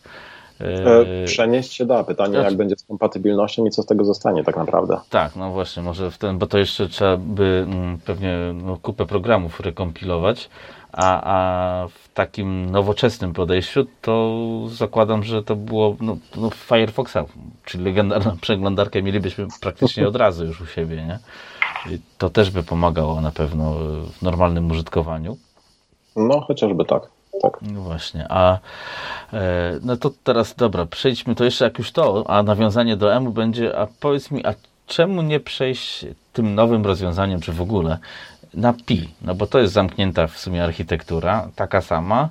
E, mówimy raczej o hobbystycznych e, systemach operacyjnych, które może z jakimś tam plusem mogłyby coś więcej robić, ale to raczej nie, nie mówimy, że napiszemy nowego Windowsa czy macOSa, który tutaj zmiecie wszystkich, chociaż nigdy nie mów nigdy, ale, e, ale bo mi się wydaje, że te Pi jest takie dla hobby OS to jest naturalna platforma. E, wiesz co? E, tylko no, zanim jeszcze nie zacznę nawijać, bo już mhm. mi się tam na, nawijka szykuje, e, masz teraz na myśli przechodzenie na coś nowego, w sensie nowy system ponad podziałami, czy coś w stylu Wiesz co, Nawet nowy system ponad podziałami, ale ogólnie też dążę do tego, że jak MorphOS chce przejść na Intera, to czy nie lepiej by było, żeby przeszedł na Pi, czy ewentualnie w ogóle, no bo to byłoby moim zdaniem najlepsze rozwiązanie, że wszyscy zakopują ten topór. No i ja wiem, że to jest na pewno z dużym bólem serca. Trzeba zostawić swoje zabawki które, mm, i swoje dzieci, które robiłeś przez 20 lat. E, no ale to jest jedyna droga. No ale, ale wtedy nawet jak jest ta jedyna droga, to nie lepiej drogą pi pójść, że tak powiem? Wiesz co, zależy co jest tak naprawdę długoplanowym celem e, programistów MorphOSa, bo mhm. E, jeżeli chodziłoby tylko o jakąś platformę, która jest powiedzmy żywa, rozwijana i dostępna, E, to tak, można by było próbować naciskać z przejściem na Pi, bo to jest naprawdę platforma, która się fenomenalnie rozwija. E, powstają coraz nowe produkty. E, sam mam parę malin w domu i z wersji na wersję naprawdę widać, jak bardzo one przyspieszają, jak bardzo są używalne. Um, ale problemem MorphOS, albo powiedzmy nie problemem, albo celem, zdaje mi się, jest próbowanie sięgnięcia po platformę, która nie tylko żyje i jest rozwijana, ale która oferuje znacznie większą wydajność niż to, co jest dostępne do tej pory. Mhm. Tak, bo jeżeli na przykład miałbym przejść z takiego G5 na, na Raspberry, to tak, niektóre rzeczy mogą działać faktycznie szybciej, ale dużo innych będzie takich, które powiedzmy jednak wydajne nie są, tak? Bo to by było powiedzmy przejście z desktopowego komputera z normalnymi dyskami, z normalną kartą graficzną, mhm. z, z, normalnymi peryferiami na jakiś tam powiedzmy mini komputerek wielkości karty kredytowej, e, który nie ma żadnego twardego dysku, tak, w którym masz e, kartę microSD i nie wiem, nie każdemu się to musi podobać, tak. E, mhm. Teraz jak wyszło Raspberry 400, czyli w sumie Raspberry Pi 4 w, w klawiaturze. Yeah, all in one. Dokładnie, to sprawia to bardziej wrażenie takiego dorosłego, normalnego komputera do używania, ale to jednak też nie, też nie jest jeszcze ta wydajność, tak? No nie, to, to nawet to ja. Wszystko jako... się rozwija, to wszystko jest coraz szybsze, ale to jeszcze, jeszcze nadal nie jest to. Tak. Um, i, w tym momencie mi się wydaje, że nad platformą armową, nawet jeżeli się e, ludzie od Morpheus'a zastanawiali, e, to raczej doszli do wniosku, że jednak nie wiem, jednak nie jest to e, dokładnie to, co by chcieli. Mhm. Rozumiem. No. Można ten, e, no ma to sens, to wytłumaczenie. Choć ten ARM się rozwija, no to jest inna kwestia, że to z roku na rok jest coraz szybsze, co zresztą Apple pokazało, jak to się teraz wiesz robi. Co, wiesz co, to co Apple pokazuje, to e, dobrze, z jednej strony mają dziwne poślizgi czasami, tak jakby, tak jak chociażby ten najnowszy laptop e, z tym dziwnym wcięciem w, w mm -hmm, wyświetlaczu, mm -hmm. ale z drugiej strony to, co w dziedzinie procesorów pokazują, to jest po prostu e, naprawdę fenomenalne, tak? E, to jest tak, że nie wiem, że wszystkim, wszyscy inni otwierają oczy ze zdziwienia i się zastanawiałem, że ojejku, tak się faktycznie dało. Tak, tak, no bo to jest tak, tak. Ja też już tutaj z, z e, M1 nadaję, więc e, już nie, nie, będzie więcej wiatraków na nagraniu. No. Więc to jest plus, a to faktycznie jeszcze, no i wydajność fajna i, i bez kabla, no bo można no, naprawdę to długo godzin trzyma. E, no ale dobra, maki makami. E, to teraz e, EMU. E, no już wspominałeś że no coś tam wspomnieliśmy, może właściwie to nic nie wspomnieliśmy, ale wspomnieliśmy, że robisz.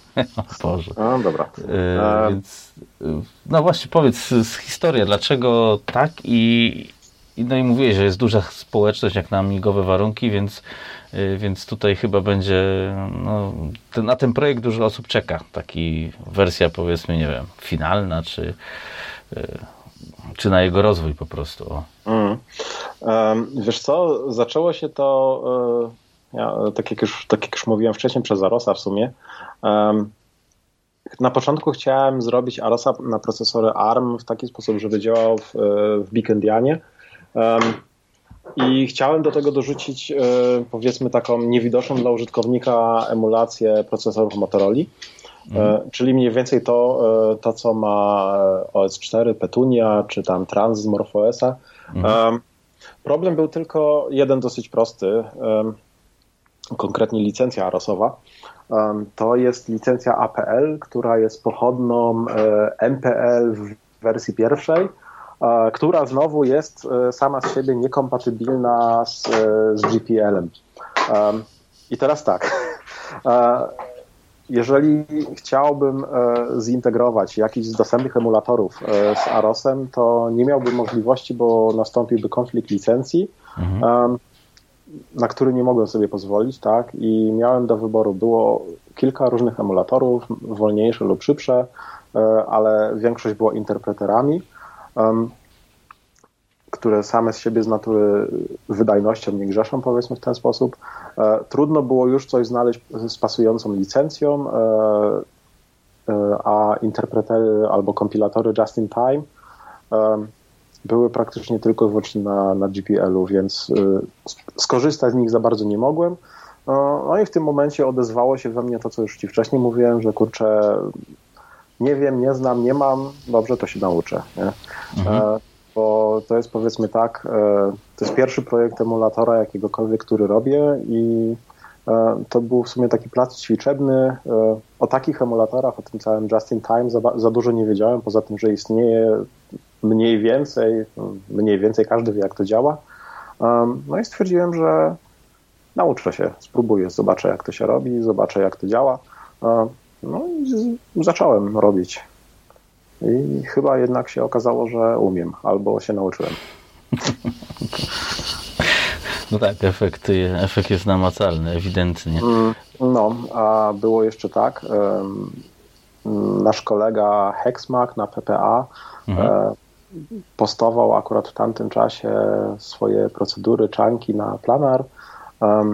No i to było coś pierwszego, co, co wrzuciłem do powiedzmy tych zrębów EMU68, mhm. to jeszcze wtedy w ogóle nie działało tak, jak powinno działać. I się okazało, że ten emulator sam z siebie wygenerował na tyle optymalny kod dla procesora ARM, że po prostu ta wydajność na początku e, prawie mnie przeraziła E, bo się okazało, że dosyć dużo instrukcji, y, instrukcji procesora Motorola e, da się przetłumaczyć na powiedzmy jedną albo dwie instrukcje dla procesora ARM. Mhm. A biorąc pod uwagę wydajność tych procesorów, oznaczałoby to, że mamy naprawdę gigantyczny skok wydajności na Motorolkach, którego normalnie nie ma, tak? I to mnie popchnęło jeszcze bardziej do tego, żeby, żeby zacząć, zacząć to jeszcze intensywniej rozwijać, popychać to jakoś do przodu, próbować coś nowego. I w którymś momencie doszedłem do wniosku, że ten cały emulator, albo to, co ten emulator z siebie wypluwa, czyli, czyli ten kod wykonywalny, wykonywany przez, przez Raspberry, e, jest na tyle szybki, że e, w tym momencie można zadać sobie pytanie, e, czy ma jeszcze sens, powiedzmy, trzymanie całej reszty systemu operacyjnego e, na ARMA, e, mhm. czy też może lepiej po prostu całość zrobić na Motorolce. Tym bardziej, że w przypadku ARMA jeszcze pojawił się taki problem, który, który, który dosyć mocno mnie zdemotywował e, w kierunku dalszego rozwijania tej platformy. AROS nie ma jakiegoś własnego, twardo sprecyzowanego formatu plików wykonywalnych i korzystamy tak samo jak MorphOS e, z plików ELF, mhm. Czyli to jest ten taki powiedzmy przyjęty Unixowy standard, zresztą nie tylko w Unixach, on jest w wielu innych miejscach też używany, ale w przypadku procesora ARM e, pojawił się problem z relokacjami, bo e, tam relokacje powiedzmy, czyli dopasowanie resów w pliku wykonywalnym może być czasem rozbite na dwie instrukcje, procesora i w tym momencie trzeba bardzo pilnować tego, żeby te relokacje między sobą się nie rozjechały. W momencie ładowania takiego pliku wykonywalnego pod AROSem E, też trzeba tego pilnować i trzeba mhm. pamiętać, że ok, jedną część już e, przeprowadziliśmy relokację, e, tam nastąpiło na przykład przepełnienie adresu, to przepełnienie trzeba przenieść do wyższego adresu, bo jeżeli tego się nie zrobi, to plik wykonywalny przestanie działać. To było takie dosyć trudne do przeskoczenia i w tym momencie tak się zacząłem zastanawiać, że to, co EMU68 robi z kodem Motorolki, ten, ca ten cały skompilowany produkt jest E, bardzo wydajny i w tym przypadku nie musielibyśmy walczyć chociażby z czymś takim jak e, nowy format plików wykonywalnych na nową architekturę. Tym bardziej, że e, chciałem tego ARMA zrobić w trybie Bekendian. Mhm. Też, żeby nie trzeba było formatu danych konwertować, żeby nie trzeba było, żeby można było z tych samych struktur korzystać pod, pod Motorola i pod ARMem. I po co to wszystko robić, tak? Po co się z tym bić i gryźć? E, tym bardziej, że wsparcie akurat dla Big Endian pod armem jest dosyć skąpe, e, także w tym chociażby w pakiecie Bin Utils i tak dalej. Mhm. E, jeżeli można w tym momencie sięgnąć po to, co już mamy, po to, co jest stare, sprawdzone, od lat używane, czyli chociażby format plików wykonywalnych dla, dla Motorola, tak? Amigowy. Mhm.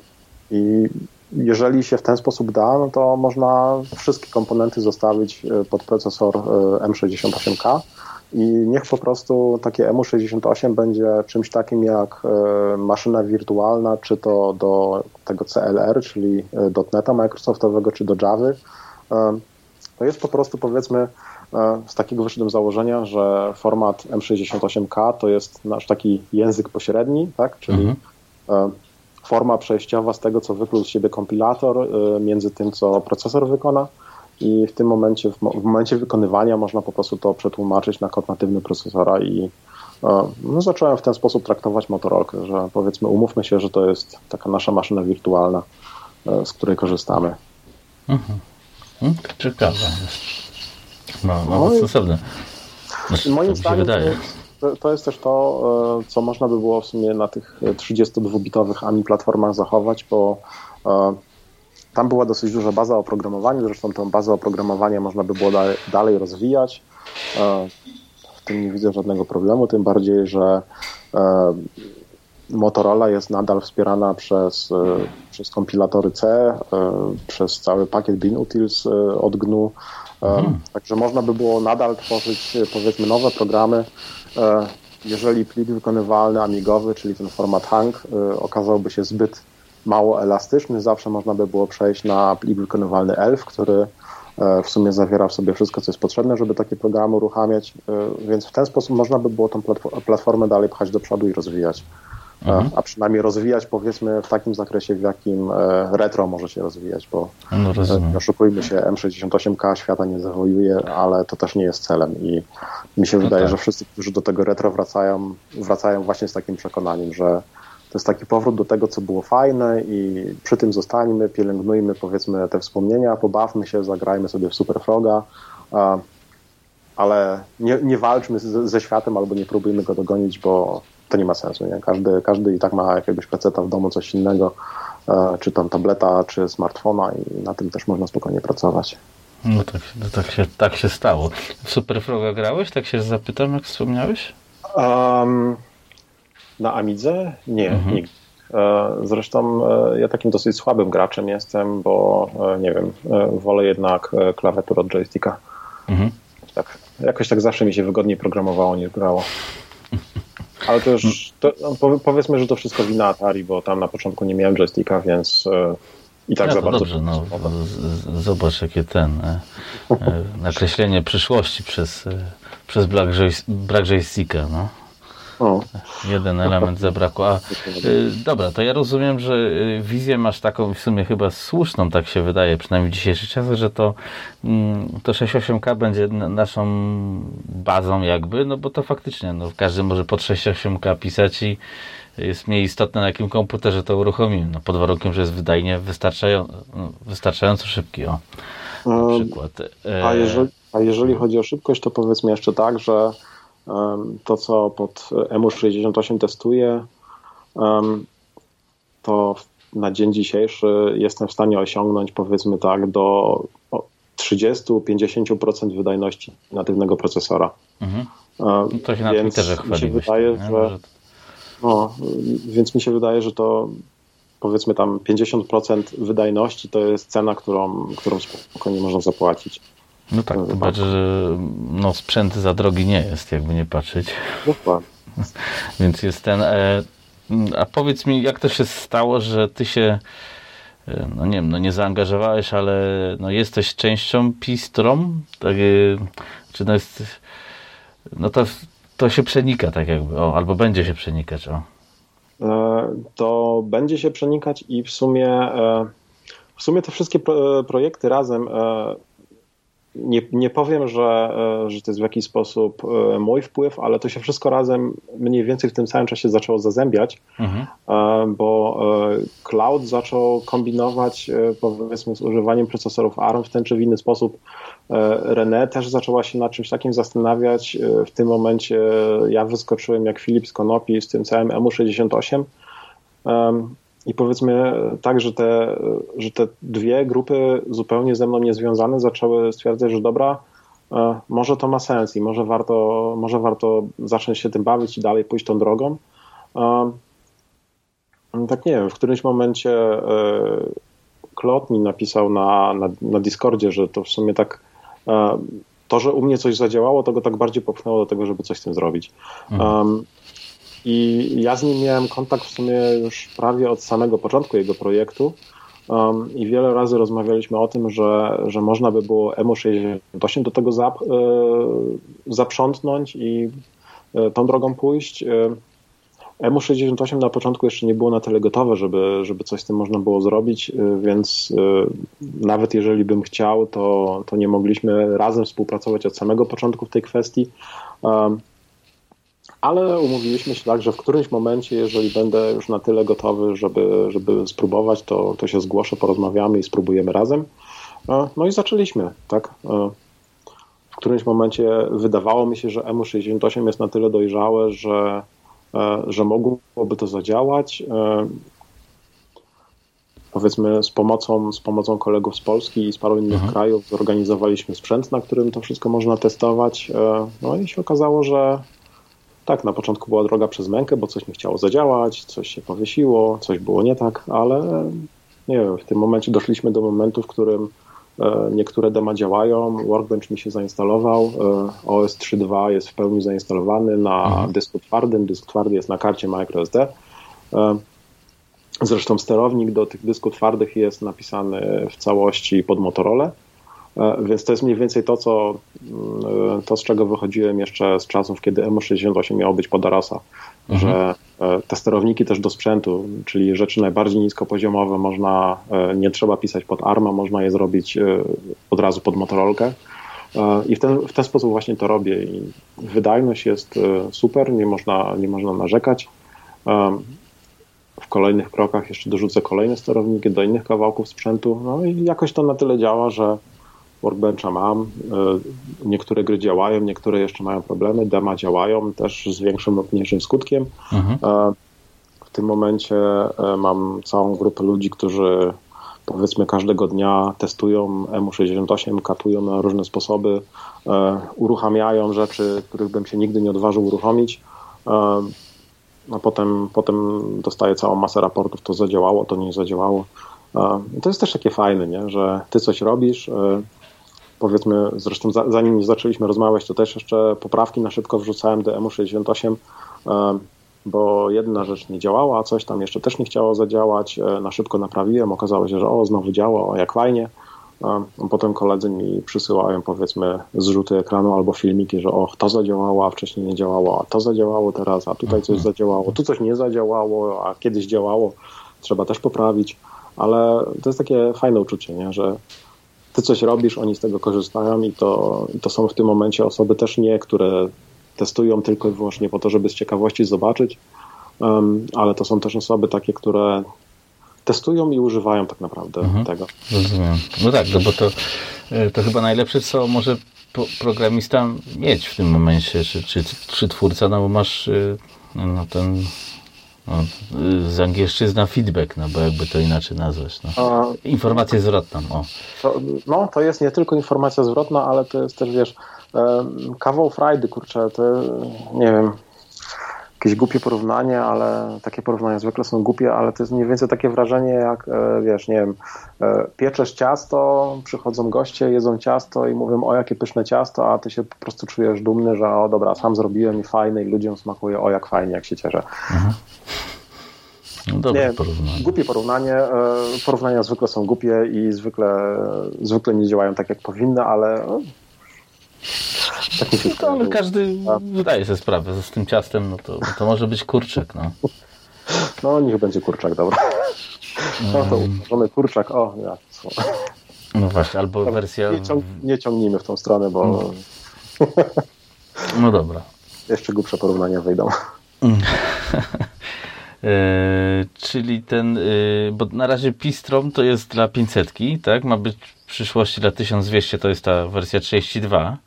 Mm, e, tak, ona już, jest na, ona już jest nawet z płytkarni z Chin już wyszła i jest testowana, tylko że Cloud chce ją wypuścić dopiero w tym momencie, w którym to będzie naprawdę używalne. Tak? On mhm. nie chce w tym momencie jeszcze ani tego publikować, ani wysyłać nigdzie do testu. Dobra, co jakiś czas wrzuca jakąś fotkę, ale e, chodzi po prostu o to, że e, cały ten Pistorm, tak samo jak EMU68, to są e, powiedzmy grupy z otwartymi źródłami. Tak? My powiedzmy jesteśmy ludźmi, którzy ze sobą rozmawiają, którzy Y, mogą się w jakichś kwestiach nie zgadzać, ale nie wiem, jak dla mnie to, to jest najbardziej pokojowa grupa wśród wszystkich amigowców, bo my nie szukamy konfliktów, my szukamy drogi do współpracy i do rozwiązania problemów, które się zawsze gdzieś pojawiają, tak? Mhm.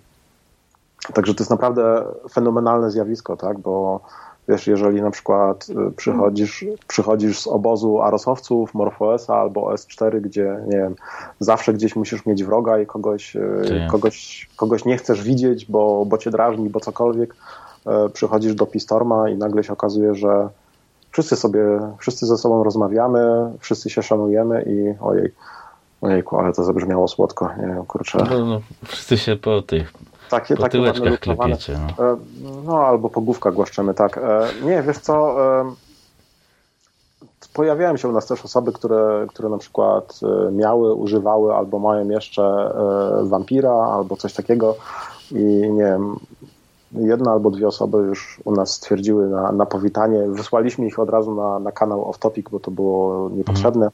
ale przyszli, przywitali się i wyżalili się, że powiedzmy nie wiem, że spotkali się z, z, tym, że grupa była toksyczna, albo że coś tam nie działało, albo programiści stwierdzili, że dobra, tego nie zrobimy, bo głupi jesteś, albo cokolwiek. Mhm. No i powiedzmy, przychodzą do nas z obawą, że czy mogą się w ogóle odezwać, e, żeby zaraz ich tutaj, kurczę, nie wiem, programista, elektronik albo ktoś inny nie zjechał z góry na dół, a my się z nimi witamy jak z normalnymi ludźmi, tak?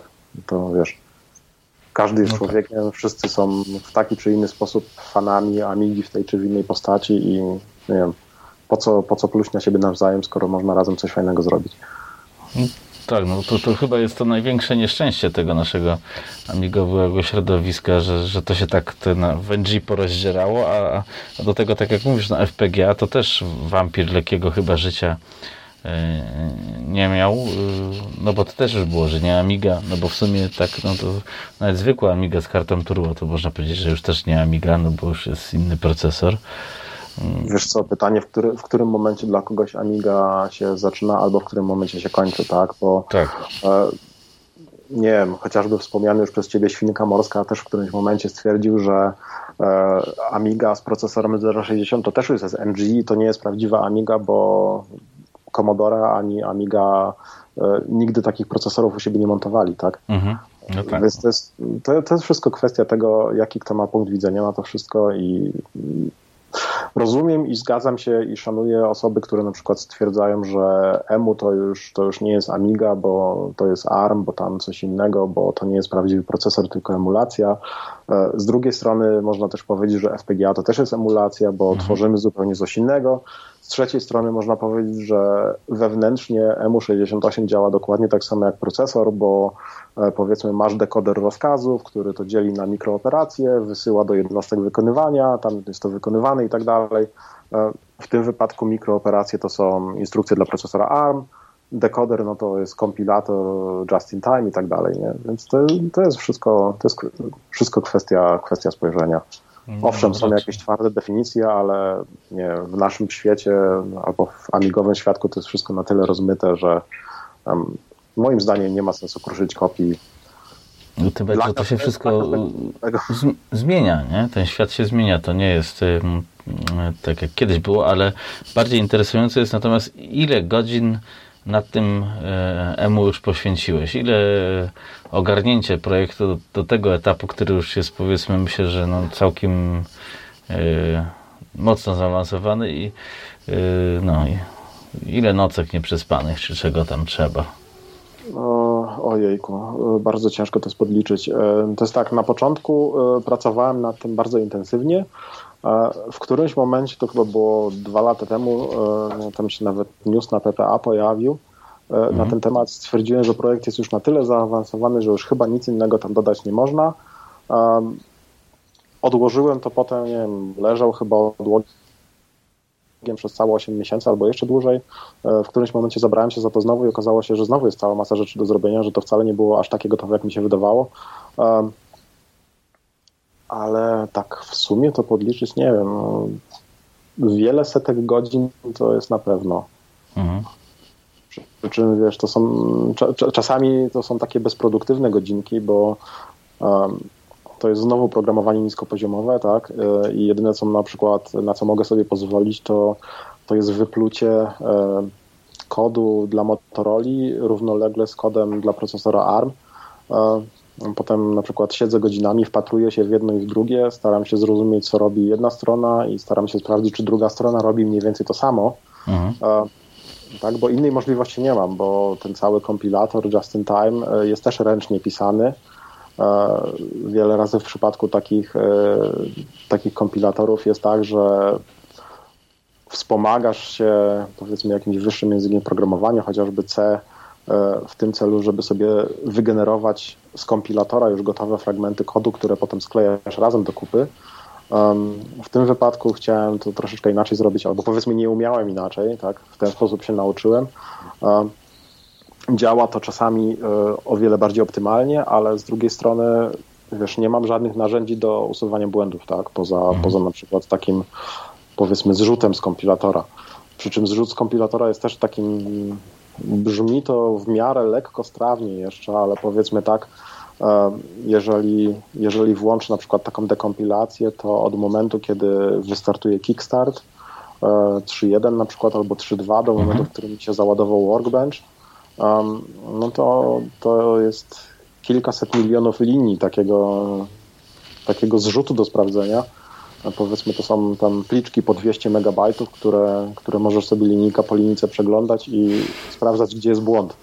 Więc to też jest takie czasami szukanie igły w stogu siana. Więc to czas, czasami powiedzmy e, tworzenie tego EMU68 się sprowadzało do tego, że przez, przez parę dni pod rząd próbowałem coś linia po linii przeczytać i mieć nadzieję na to, że gdzieś błąd znajdę. Mhm. A czasami jest tak, że wiesz, łapiesz jednym ciągiem, o dobra, zróbmy to, zróbmy to, zróbmy to. Um, Teraz jest już dużo lepiej, bo teraz EMU68 też e, z dysku może wystartować, e, cały Workbench jest na miejscu, e, więc mam dostęp do chociażby takich narzędzi jak CPU Tester, którego Tony mhm. Willem napisał do swojego WinUAE. No i za jego, za jego pomocą można powiedzmy tam masowo sprawdzić, które instrukcje się zachowują tak jak powinny, a które się powiedzmy tam zachowują troszeczkę w inny sposób. Mhm. To z tego testera na przykład w tym momencie mi zostało 59 e, różnych e, dziwnych zachowań, instrukcji, które trzeba poprawić na powiedzmy kilkaset takich, które działają bez problemu. Mhm, okay. To się wydaje, wydaje się, że to jest do tej, e, nadal dosyć dużo, ale z drugiej strony, nie wiem, Workbench działa, dużo innych rzeczy też już działa, także pod tym względem no, to wygląda pozytywnie. Brzmi jak kawał dobrej, mm, dobrej roboty. Y, ja powiem tak, mam nadzieję, że to też Ci się może gdzieś zawodowo przy, przydać, mm, bo, bo to jest masa w sumie samozaparcia i pasji, no bo chyba jakby nie było w tym pasji, to byś tego nie robił, bo to brzmi... Y, no. Jeżeli, jeżeli, jeżeli, jeżeli nie byłoby w tym pasji albo takiego, nie wiem, takiego takiego upartego ciśnienia na to, żeby, żeby coś zadziałało albo żeby, żeby się czegoś nowego nauczyć, to rzuciłbym to w diabły już dawno temu, bo e, no wiesz, to jest na początku takie dosyć e, pesymistyczne zajęcie, tak? Tworzysz coś, nie wiesz jak to przetestować, nie wiesz co się dzieje, nie wiesz czy działa, czy nie działa i e, dużo jest w tym frustracji, powiedzmy w ten sposób. Mhm. mhm. No tak. No ale teraz jest dużo satysfakcji. Na przykład. Teraz jest dużo satysfakcji. Tak, teraz powiem tak. Taką satysfakcją teoretycznie, nie wiem czy było, ale mogło być wystąpienie na Ami Westie, tylko że nie byłeś osobiście, ale yy, była chyba Twoja prezentacja, jak ja tam przeglądałem. To wydaje mi się, że to była jedna z lepszych w ogóle prezentacji kiedykolwiek tam po, pokazanych. Więc y, masz jakieś wrażenia po tym Amiłeście? Poza tym systemem V54, który chyba mają wszyscy wrażenia, że to tak, o, co tu się mhm. wydarzyło. No odnośnie ale... tego akurat to mam wrażenie mieszane, ale e, o tym już rozmawialiśmy. E, wiesz co, e, dosyć ciekawe to wszystko było. Mhm. Okej, okay, nie było mnie tam na miejscu. Szczerze powiedziawszy, już z kilkoma osobami się dyskutowaliśmy na ten temat, nie wiem, chyba z dwa lata temu żebym może się tam jednak osobiście kiedyś pojawił, ale nigdy tak naprawdę potem już nie było do tego okazji, wiesz, potem się pojawiła cała ta korona, mhm. E, też już to nie miało sensu. W tym roku, e, w tym roku nawet nie planowałem rozważać wybrania się tam za miesiąc chyba, e, nie za miesiąc, w przyszłym roku chyba będzie bardziej okrągła rocznica.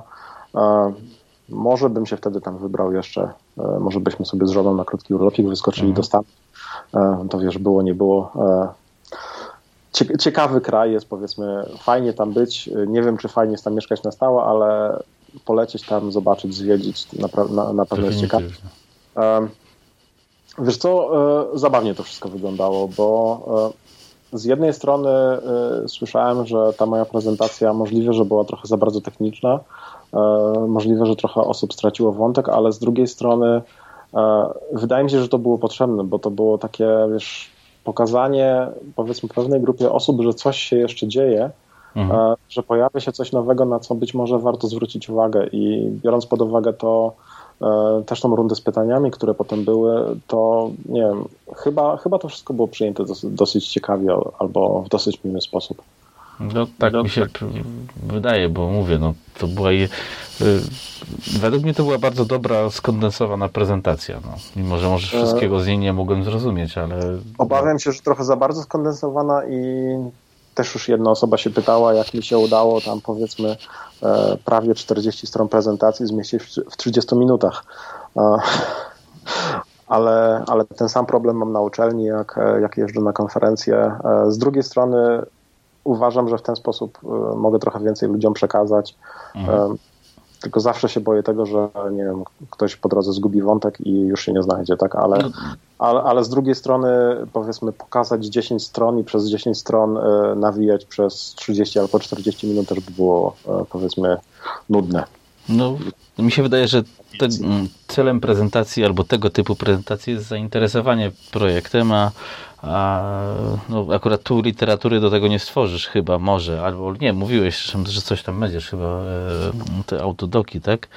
Mm, no, no troszeczkę e, muszę podokumentować. Tak, więc e, zawsze można to do, do, literatury, że tak powiem, odesłać, no bo jak ja widzę, często widzę prezentacje takie, wiesz, maczkiem i godzina, no to, to, to gubisz wątek już po trzeciej stronie, no bo komar wchodzi i koniec, no. Więc to myślę, że to było elegancko. Dobrze, bo ja myślę, że nie wiem, możemy jeszcze pogadać, ale to już jest półtorej godziny. E, nie chcę Jak też męczyć, e, bo jest ciemna noc. A ja, ja mam jeszcze trochę kawy w kubku, tak rzucę. Aha, proszę o tej porze, kurde. Na mnie kofeina nie działa, to jest dla smaku. Aha, nie, nie, no to ja to jednak ten, to nie, nie robię takich tego typu eksperymentów. Dobrze, no to jeszcze chwilę pogadajmy powiedz mi, Jakie masz dalsze plany na tą amigową przyszłość? Czy, no to już wiemy, że, że, że EMU, że później może, mm, że tak powiem w cudzysłowie, stworzysz nowe NG, no NG, NG, NG. Ale czy tak, tak poza tym, takie jakieś, e, nie wiem, znaczy projektów pewnie w głowie masz dużo, o, tak bym powiedział. To, e, czy, czy możesz uchylić rąbka tajemnicy? O. E, wiesz co, jedną z kolejnych rzeczy, których, których nigdy nie robiłem, a chciałem się nauczyć, to było powiedzmy stworzenie czegoś bardziej bliskiego krzemowi. Mhm. I też w związku z, uczel- z, pracą na uczelni i z taką ciekawością do świata, w którymś momencie się zabrałem za, za całe to FPGA, mhm. e, nauczyłem się Veriloga, bo jest e, dosyć zabawny i wymaga troszeczkę innego e, myślenia albo innego spojrzenia na, na, na programu albo opisu zachowania urządzenia. Um, I chciałem tą zdobytą przy EMU68 wiedzę zapchać do tego, żeby, żeby zrobić sobie, powiedzmy, albo napisać sobie implementację czegoś podobnego, tylko właśnie, właśnie w krzemie, w Verilogu. Czyli coś w stylu EMU68 jako procesor, mhm. E, który byłby tam na przykład, nie wiem, pinowo kompatybilny z 68020 albo 040, coś takiego. To jest jedna z rzeczy, które, w które się chciałem pobawić, a drugi projekt, który E, który też troszeczkę chciałem e, w kierunku Amigi popchnąć do przodu, to było e, też wykorzystanie FPGA, ale FPGA, który ma szynę PCI Express w sobie zawartą. Mhm. To też tak w sumie się zrodziło z, z rozmów z tymi wszystkimi osobami związanymi z, z PyStormem i też z projektem Buffy. Mhm. W ten sposób można by było e, spróbować stworzyć powiedzmy albo coś Amigo podobnego, albo e, nie wiem, albo platformę sprzętową, albo jako rozszerzenie, e, jako takie międzymordzie między Raspberry a powiedzmy Amigą. Taki bufor, tak? Urządzenie PCI na przykład, które, które jako swoją przestrzeń adresową pokazuje 16 MB tej pamięci DMA z Amigi a potem e, komunikuje się na przykład z procesorem e, z Raspberry za pomocą maszyny PCI Express, albo też, nie wiem, powiedzmy, e, w takim momencie można by było się zastanowić nad tym, jeżeli mamy już procesor, jeżeli mamy szynę PCI Express, to można, można by było na przykład spróbować stworzyć zamienniki amigowych komponentów, które, które właśnie przez taką szynę między sobą gadają można by było spróbować zrobić z tego, powiedzmy, e, coś w rodzaju czegoś Amigo podobnego, albo, nie wiem, takiego klasyka na sterydach, albo jeszcze bardziej na sterydach. Rozumiem, taki w cudzysłowie legendarny Natami, tylko inaczej. E, tylko inaczej, dokładnie. Wiesz co, e, w przypadku tych wszystkich e, projektów Natami, e, czy też e, tych wszystkich innych FPGA robionych, chociażby nawet Vampir, Mhm. Wydaje mi się, że tam jest jeden problem. E, wszyscy starają się, powiedzmy, upchać wszystko do jednego FPGA, e, bo tak jest prościej, tak? Bo mhm. wtedy nie musisz zaplanować żadnego, żadnego interfejsu, żadnej szyny między układami, ale z drugiej strony potem jest taka walka, tak? W Vampirze na przykład, nie wiem, nie zrobimy większego sprite'a myszki, bo brakuje miejsca, albo wyrzucimy niektóre instrukcje FPU, bo brakuje miejsca, albo mhm. dorzucimy coś innego, bo akurat mamy ochotę, ale na coś innego znowu zabraknie miejsca. I to jest takie, nie wiem, znowu użeranie się ze wszystkim, walczenie, żeby coś gdzieś upchnąć, żeby coś gdzieś zrobić. E, mi się wydaje, że można by było spojrzeć na to trochę inaczej i zrobić taką też trochę ciekawszą zabawę, e, żeby spróbować za, albo zaplanować, zaprojektować, albo wziąć gotową szynę, która już istnieje, jest sprawdzona powiedzmy w bojach, e, chociażby PCI Express i spróbować złożyć coś na podstawie tego, tak? Gdzie, mhm. gdzie powiedzmy cała robota komputera jest podzielona na kilka układów, ale za to mniejszych, e, przy czym w każdym masz na tyle dużo miejsca, że masz swobodę od tworzenia tego, co masz, albo stworzenia czegoś nowego. Um, tylko, że to jest takie, to jest takie ekstremalnie palcem na wodzie pisane. No to dużo pracy jest chyba, nie? Żeby te, nawet te amigowe układy otworzyć, odtworzyć w ten sposób. Um, tak, ale z drugiej strony jest już na GitHubie znowu y, projekt, to prowadzi René od projektu Buffy. Gdzie właśnie próbuję w Verilogu opisać te Denisa chyba, tak? Mm, mm, chociażby. Mhm. No ciekawe to jest. A tak właściwie czy do takich projektów to star... No bo to jedna osoba za tym stoi, no, przynajmniej w przypadku twoim. E, mhm. Czy czy jest w ogóle szansa, żeby tu jakoś, nie wiem, nazbierało się kilka osób, czy coś takiego, albo, no bo to jest taka trochę, no dużo roboty jest, o, tak powiem, no, jak na jedną osobę. Zespołem mhm. byłoby chyba łatwiej. Z zespołem byłoby łatwiej i e, w przypadku EMU taki zespół już powoli powstaje. Mhm. Właśnie przez, przez kontakty z PyStormem mam już jedną osobę, która powiedzmy przysyła mi co jakiś czas mniejsze lub większe poprawki. E, dokumentację pisze dla mnie e, na podstawie tego, co już jest zrobione, albo nie wiem, zwraca uwagę na błędy, albo coś mhm. ulepsza, coś poprawia, coś zmienia. Także jedna osoba już jest, która, która się w jakiś sposób przykłada. Jest jeszcze Marlon, który, który pomagał mi w, e, w, stworzeniu skryptów kompilujących. Także to wszystko powoli w tą stronę idzie, tak? I im więcej osób będzie, tym, tym będzie lepiej na pewno. Tym bardziej, że e, w przypadku tych projektów to jest wszystko e, open source, tak?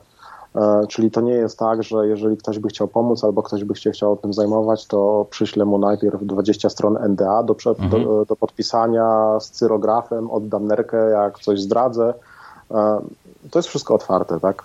Gramy w otwarte karty, nie mamy nic do ukrycia to rodzi swoje, swoje problemy, nie? Tak, jakby, tak jak było chociażby z PyStormem, mhm. że ktoś tam złapał sobie projekt na wczesnym etapie tworzenia, zamówił w Chinach kilkaset płytek, potem to sprzedawał, potem ludzie przychodzili z pretensjami, że coś nie działa. Okazało się, że właśnie kupili płytki zrobione albo w połowie zrobione od kogoś z Chin i nie było to zbyt dobrym pomysłem, ale w dłuższym biegu to się dosyć dobrze sprawdza. Jest tak? ryzyko, jest zabawa. Mm, czyli... Jest ryzyko, jest zabawa, ale z drugiej strony, y, wiesz, tak jak już powiedziałem, gramy w otwarte karty, nie mhm. mamy nic do ukrycia. Jeżeli ktoś chce się o cokolwiek zapytać, e, czy to odnośnie EMU, czy odnośnie PyStorma, czy odnośnie czegokolwiek innego, może do nas przyjść, zadać pytanie. E, nikogo za to nie pogryziemy, nikogo nie wyrzucimy i nie, mi się wydaje, że po prostu mamy tam dosyć, dosyć dobrą atmosferę i wszyscy, ma, wszyscy mają duże chęci do współpracy.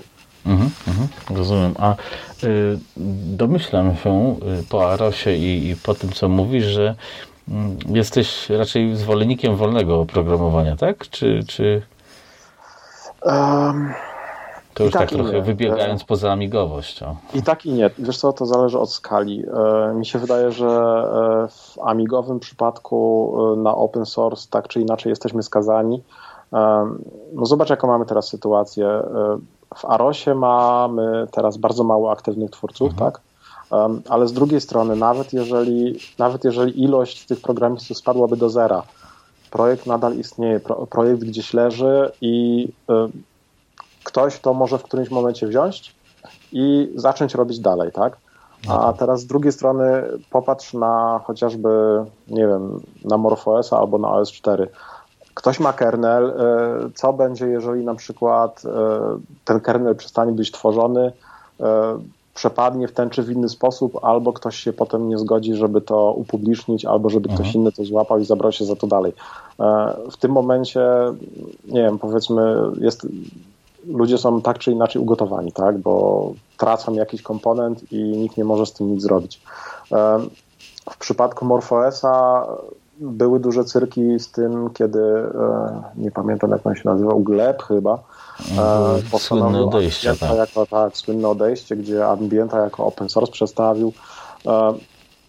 To zawsze rodzi takie albo inne problemy, tak? Tym bardziej w takich małych grupkach, gdzie o konflikt też może być dosyć łatwo. W przypadku OS4 twórca tego systemu plików JXFS też w którymś mhm. momencie obraził się albo, albo, albo pojawiło się coś innego, nie wiem. Um, wiadomo Ale tylko, poszedł. że w którymś momencie odszedł, zabrał swoje zabawki i tak znowu, znowu tracimy coś, czego nie jesteśmy w stanie na szybko w jakiś sposób zastąpić.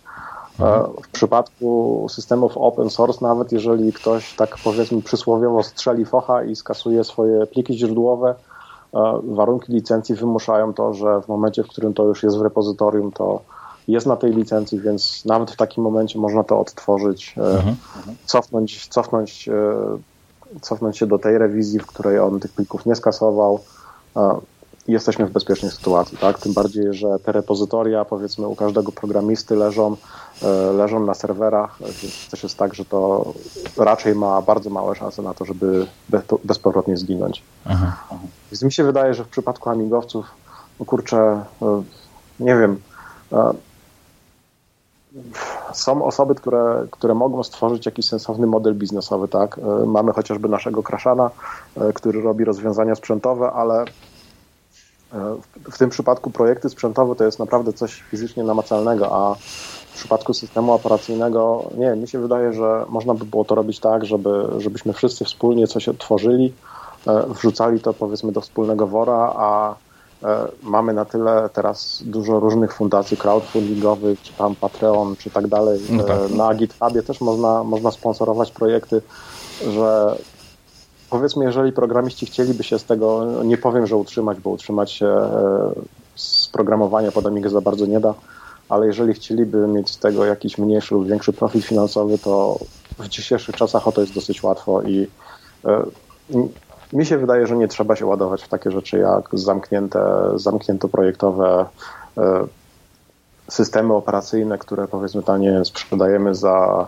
dziesiątki, setki euro i liczymy na to, że nie wiem, rzuci się na to na tyle dużo ludzi, że, że zarobimy na tym albo kokosy, albo przynajmniej utrzymamy firmę na kolejne lata. No tak. Mi, się, mi się wydaje, że w przypadku Amigi powinniśmy na trochę inny model spojrzeć, czy to finansowania, czy rozwoju. Mhm, Okej, okay, dobra, czyli yy, czyli bym powiedział, ty byś widział o Amiga OS 3.3 jako już y, wolny, otwarty system, a nie w tej formie, co teraz y, jest to sprzedawane. O tak. Um, to, akurat, nie jest takie łatwe do, do, do zrealizowania.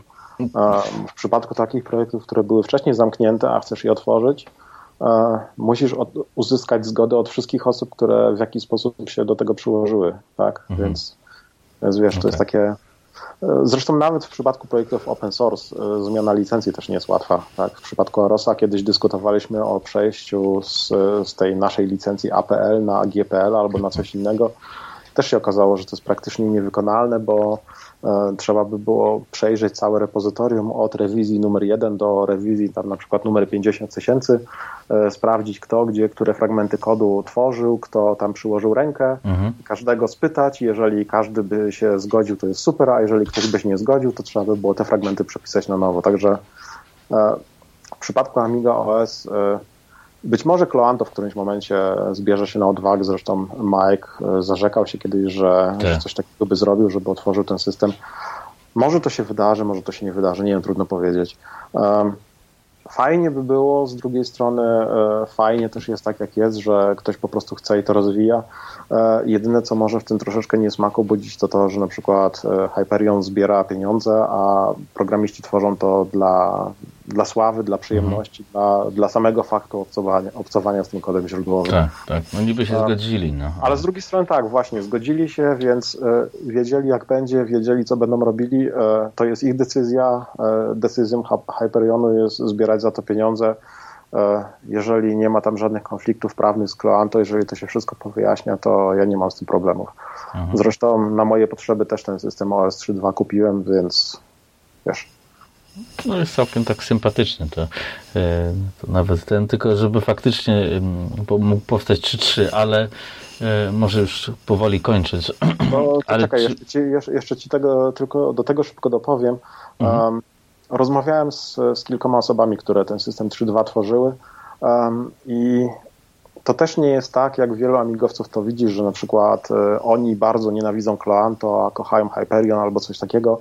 Um, u tych wszystkich ludzi, zresztą tak samo jak u mnie, tak samo jak u większości amigowców, widać takie e, czekanie, że fajnie jest, że mamy Amigę, fajnie jest, że coś z tym tworzymy, ale niech w końcu się te wszelkie batalie sądowe zakończą, niech się sprawa wyjaśni, bo po prostu, po prostu tak jak jest, to jest toksycznie dla wszystkich i mhm. E, wszyscy są tym zmęczeni, tak?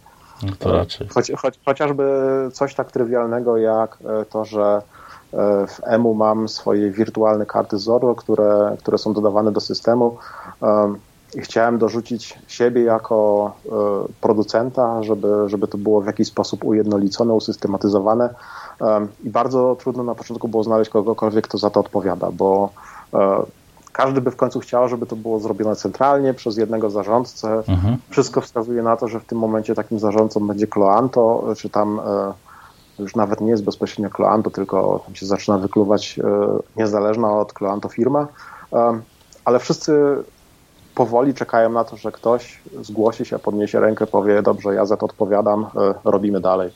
Mhm. Tak, bo tak jak już powiedziałem, tak jak jest teraz, jest po prostu dla wielu osób toksycznie i to nie jest takie jakieś tam bardzo przyjemne, tak? No, no, no tak, bo... Fajnie, ale, ale z drugiej strony nie fajnie, że powiedzmy ciągnie się za ten mniejszy lub większy smrodek. No tak, no bo to zniechęcające jest nawet dla użytkowników, ale co chciałem jeszcze się zapytać właśnie, bo e, owego czasu też się zainteresowałem, ale nie udało mi się w sumie pobrać ani znaleźć jakiegoś rozwiązania. AROS 68K, czy to nie jest Aha. alternatywa? No bo jest otwarty, jest na 68K, czyli będzie chodził na tych powiedzmy rozwiązaniach, które teraz zdobywają popularność, tak mi się wydaje. E, Aha. I jest całkiem nieźle kompatybilny, przynajmniej tak czytając albo oglądając coś na YouTubie. E, jest dosyć kompatybilny i ta kompatybilność mu teraz e, jeszcze wzrasta, e, w tym wypadku dzięki Vampirowi, bo oni też mieli powiedzmy problemy prawno-legalne z tym, mhm. jaki system dla ich komputerów użyć. Póki Vampir był tylko powiedzmy kartą turbo do Amigi, to sprawa była dosyć jasna, bo na Amidze był zainstalowany Kickstart, jest wszystko super ale teraz jeżeli mamy na przykład V4SA, czyli ten mhm. samodzielny wampir, który powiedzmy z Amigą ma tyle wspólnego, że obok Amigi może leżeć albo ma port joysticka i myszki mhm. klasycznej, to tam już sprawa nie była aż tak trywialna. I w którymś momencie, tam zresztą ty o tym wiesz i wszyscy amigowcy o tym wiedzą, że pojawiały się takie nieprzyjemne sytuacje, gdzie E, ktoś związany z wampirem spod stołu wyciągał kartę Compact Flash z jakąś nielegalną wersją systemu, mhm. było to gdzieś na boku rozdawane i tak dalej. E, sytuacja była dosyć nieprzyjemna i w którymś momencie stwierdzili, że dobrze, jest AROS, jest open source, AROS 68K, e, zaczniemy się tym bawić. No i ile, dwa lata temu mniej więcej zaczęła się mniejsza lub większa współpraca. Zaczęli tego AROSa troszeczkę dopieszczać pod 68K i w tym momencie to, co e, użytkownicy Vampira mogą pobrać pod nazwą Apollo OS, mhm. no to jest w sumie właśnie AROS dopieszczony przez, przez tamtą drużynę. I z tego co wiem, jest już w tym momencie dosyć kompatybilny i ta kompatybilność jeszcze czasem wzrasta. Okej, okay, czyli mm, jest teoretyczna szansa, że te 6.8K AROS może prześcignąć tego zwykłego Arosa, że tak powiem, tego pradziadka wszystkich Arosów, czy na Intelu? Um, I tak i nie. Jeżeli chodzi o kompatybilność i szybkość pod takimi powiedzmy platformami, które mają małą wydajność, czyli Amigi klasyczne, hmm. tak, tam jak najbardziej, ale jeżeli chodzi o wszystkie inne wodotry wodotryski, takie jakby chociażby SMP i tak dalej, to pod tym względem nie ma szans. No tak, to jest logiczne nawet. No.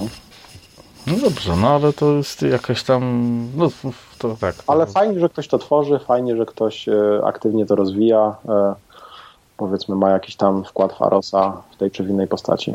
Także mhm. wiesz, system, na, nawet jeżeli teraz e, Arosa 64-bitowego rozwija tam powiedzmy kilka osób na krzyż, to ten klasyczny, klasyczna wersja pod Motorolkę nadal jest rozwijana i używana. Mhm. Że, to jest właśnie też jedna z zalet systemu open source, tak? Drużyna, drużyna Vampira potrzebowała czegoś, e, zamiast podpisywać jakieś NDA, umowy i tak dalej, po prostu zrobili swojego forka systemu, zaczęli go rozwijać. E, my dostajemy poprawki, jeżeli chcemy. Jeżeli nie chcemy dostawać poprawek, to zawsze możemy na GitHuba spojrzeć, tam są aktualne źródła mhm. Apollo OS. Wiesz, każdy może z tego czerpać w momencie, w którym potrzebuje. Okay, I wszystko jest, jest legalne, e, wszystko jest czyste jak długo, na, na, na tak, długo, tak, długo, jak długo się trzymasz licencji, więc pod tym względem jest po prostu super. Okej, okay. czyli to jest takie w sumie, tak jak na, nazwa tego Arosa, bo to był Amiga OS Research System, tak? Czy coś takiego? Um, na początku to się nazywało AROS Research Operating System. Nie, nie, nie, na początku to było Replacement, ale e, w nazwie było Amiga i w momencie plajty Amigi i tych pierwszych chocków, klocków prawnych cała grupa stwierdziła, że dobrze musimy zmienić nazwę i w którymś momencie nazwa stała się akronimem dla samego siebie, więc to mhm. też jest taki. Ale... Wiesz, w, tym, w tym momencie na dzień dzisiejszy A, skrót AROS oznacza e, AROS Research OS, że to jest skrót zawiera skrót sam w sobie. Mhm. Dobre, taka incepcja, ale, e, ale w sumie stał, on się powoli, można powiedzieć, jest szansą, że stanie się takim dawcą organów dla innych, no, z obopólną Dlaczego korzyścią nie? oczywiście. Dlaczego nie? Niech, niech każdy korzysta, po to jest open source. Mhm. To jest tak samo, tak samo z EMU, tak samo z PyStormem. Jeżeli ktoś tego potrzebuje, dlaczego nie? Okay. Po to tworzymy open source, żeby inni mogli z tego skorzystać, jeżeli chcą. Dobra, ja myślę, że to jest bardzo dobry akcent, e, ażeby e, sfiniszować. E, a jak jest tradycyjny finisz, to jest zawsze pytanie, czy nie wiem, kogoś pozdrawiasz, czy masz jeszcze coś do dodania i nie wiem, czy będzie można cię, że tak powiem, zobaczyć, dotknąć na jakimś zlocie, czy coś, jak już nie będzie, znaczy jak już będzie można. Biorąc pod uwagę to, jak długo próbowałeś mnie upolować na tą rozmowę, to myślę, że zdajesz sobie sprawę z tego, że tak. jestem raczej nieimprezowym człowiekiem, więc na te wszystkie amigowe imprezy raczej się nie wybieram. Każda jest dla mnie w sumie na tyle daleko, żeby, żeby nie rozważać pojechania na nią nawet imprezy, które są powiedzmy 300 km obok gdzieś w Niemczech nawet na, taki, na takie się nie wybieram. W Wolfsburgu masz blisko. Ale jeżeli chodzi o porozmawianie ze mną, to, to jestem dostępny, można mnie zawsze znaleźć na Discordzie. E, w ten czy w inny sposób zawsze można mnie jakoś osiągnąć. E, jeżeli chodzi o pozdrawianie, e, to tak, pozdrawiam, pozdrawiam wszystkich tych, którzy na mojej amigowej drodze, powiedzmy, w jakiś sposób mi pomogli albo przyłożyli się do tego, że to, co robię, ma jakiś sens albo działa dalej. I jeszcze takie na, na, sam koniec już przesłanie, przesłanie do wszystkich amigowców. E, w sumie wszyscy jesteśmy, wszyscy jesteśmy dojrzałymi osobami w odpowiednim wieku. E, wszyscy mamy swoje hobby. Tym hobby jest amigowanie w tej czy w innej postaci. Nie kłóćmy się, bo to, bo to nie ma sensu. I tak żaden z nas innego nie przekona. E, mamy naszą pasję, pielęgnujmy ją, rozwijajmy. Możemy się nie zgadzać, tak? Możemy się ładnie nie zgadzać ale nie musimy się kłócić. Nie walczmy ze sobą, bo, bo to nie ma sensu. To i tak nic nie da, i tak nie, szkoda tylko nerwów dla wszystkich, szkoda zdrowia. Tak, już, już powalczyliśmy przez ostatnie 15 lat, powiedzmy, bo teraz już, jest trochę spokojnie. Tak, dokładnie. Już, zresztą nie tylko przez 15 lat. Wcześniej, wcześniej amigowcy mieli wspólnego wroga, wcześniej to były pecety z Intelem, potem pecety się rozwinęły, odleciały, nie, nie było sensu tego krytykować, to amigowcy sobie znaleźli wrogów wśród siebie. No i niestety mhm. skończyło się tak jak, tak, jak to wygląda teraz. Tak? Mamy no, różne obozy, które zamiast ze sobą rozmawiać i współpracować, bardziej szukają okazji do tego, żeby się ponabijać z konkurencji albo wetknąć gdzieś szpilę Ale w ten czy inny sposób. Wiesz co, to się może właśnie przez to wszystko i przez to wydaje mi się, bo to kiedyś ja już nie wiem z kim gadałem, pewnie z kilkoma osobami i tak dalej, że te 6-8K y, może nas zjednoczyć w jakiejś tam formie, że to się, chyba to takie to... koło się zaczyna robić. Znaczy, no. Chyba tak, chyba tak, bo do tego klasyka po prostu wracają ludzie, którzy stwierdzają, że całym tym NG albo całym tym zamieszaniem dookoła są zmęczeni i po prostu chcą wrócić do, do tych źródeł, które były fajne, gdzie był spokój, radość, demo scena i tak dalej. Tak, e, to elita, friendship, lemersi. Tak, Słuchaj, jeszcze na sam koniec tylko powiem, że y, można Cię wspierać na platformie Patreon, bo to też jest chyba ważne. To jest międzynarodowa platforma, nie, nie, mhm. nie patron.pl nie, nie Patronite, Dokładnie. przepraszam, PL.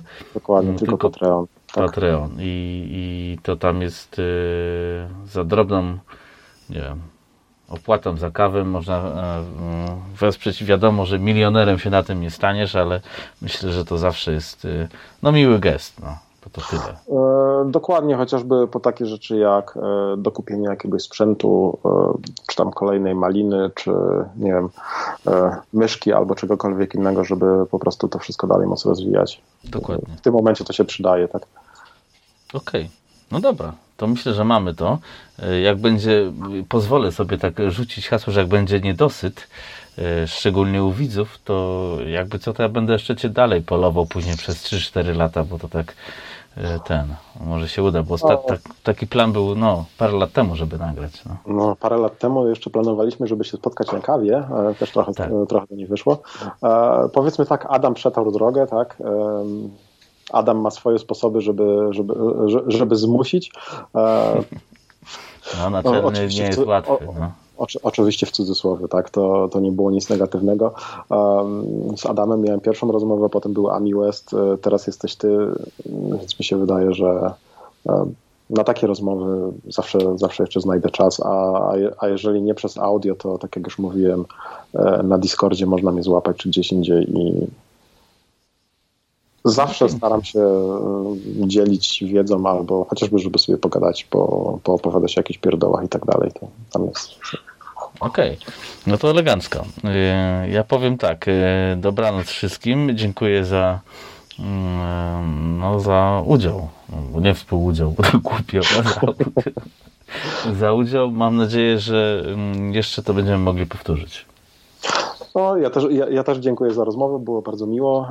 E, nie było strasznie, nie było się czego bać. I tak, Mam nadzieję, że, e, że słuchacze odbiorą to pozytywnie. Mam nadzieję, że nie marudziłem za bardzo. Elegancko było, więc yy, wszystkim smacznego. Dobranoc.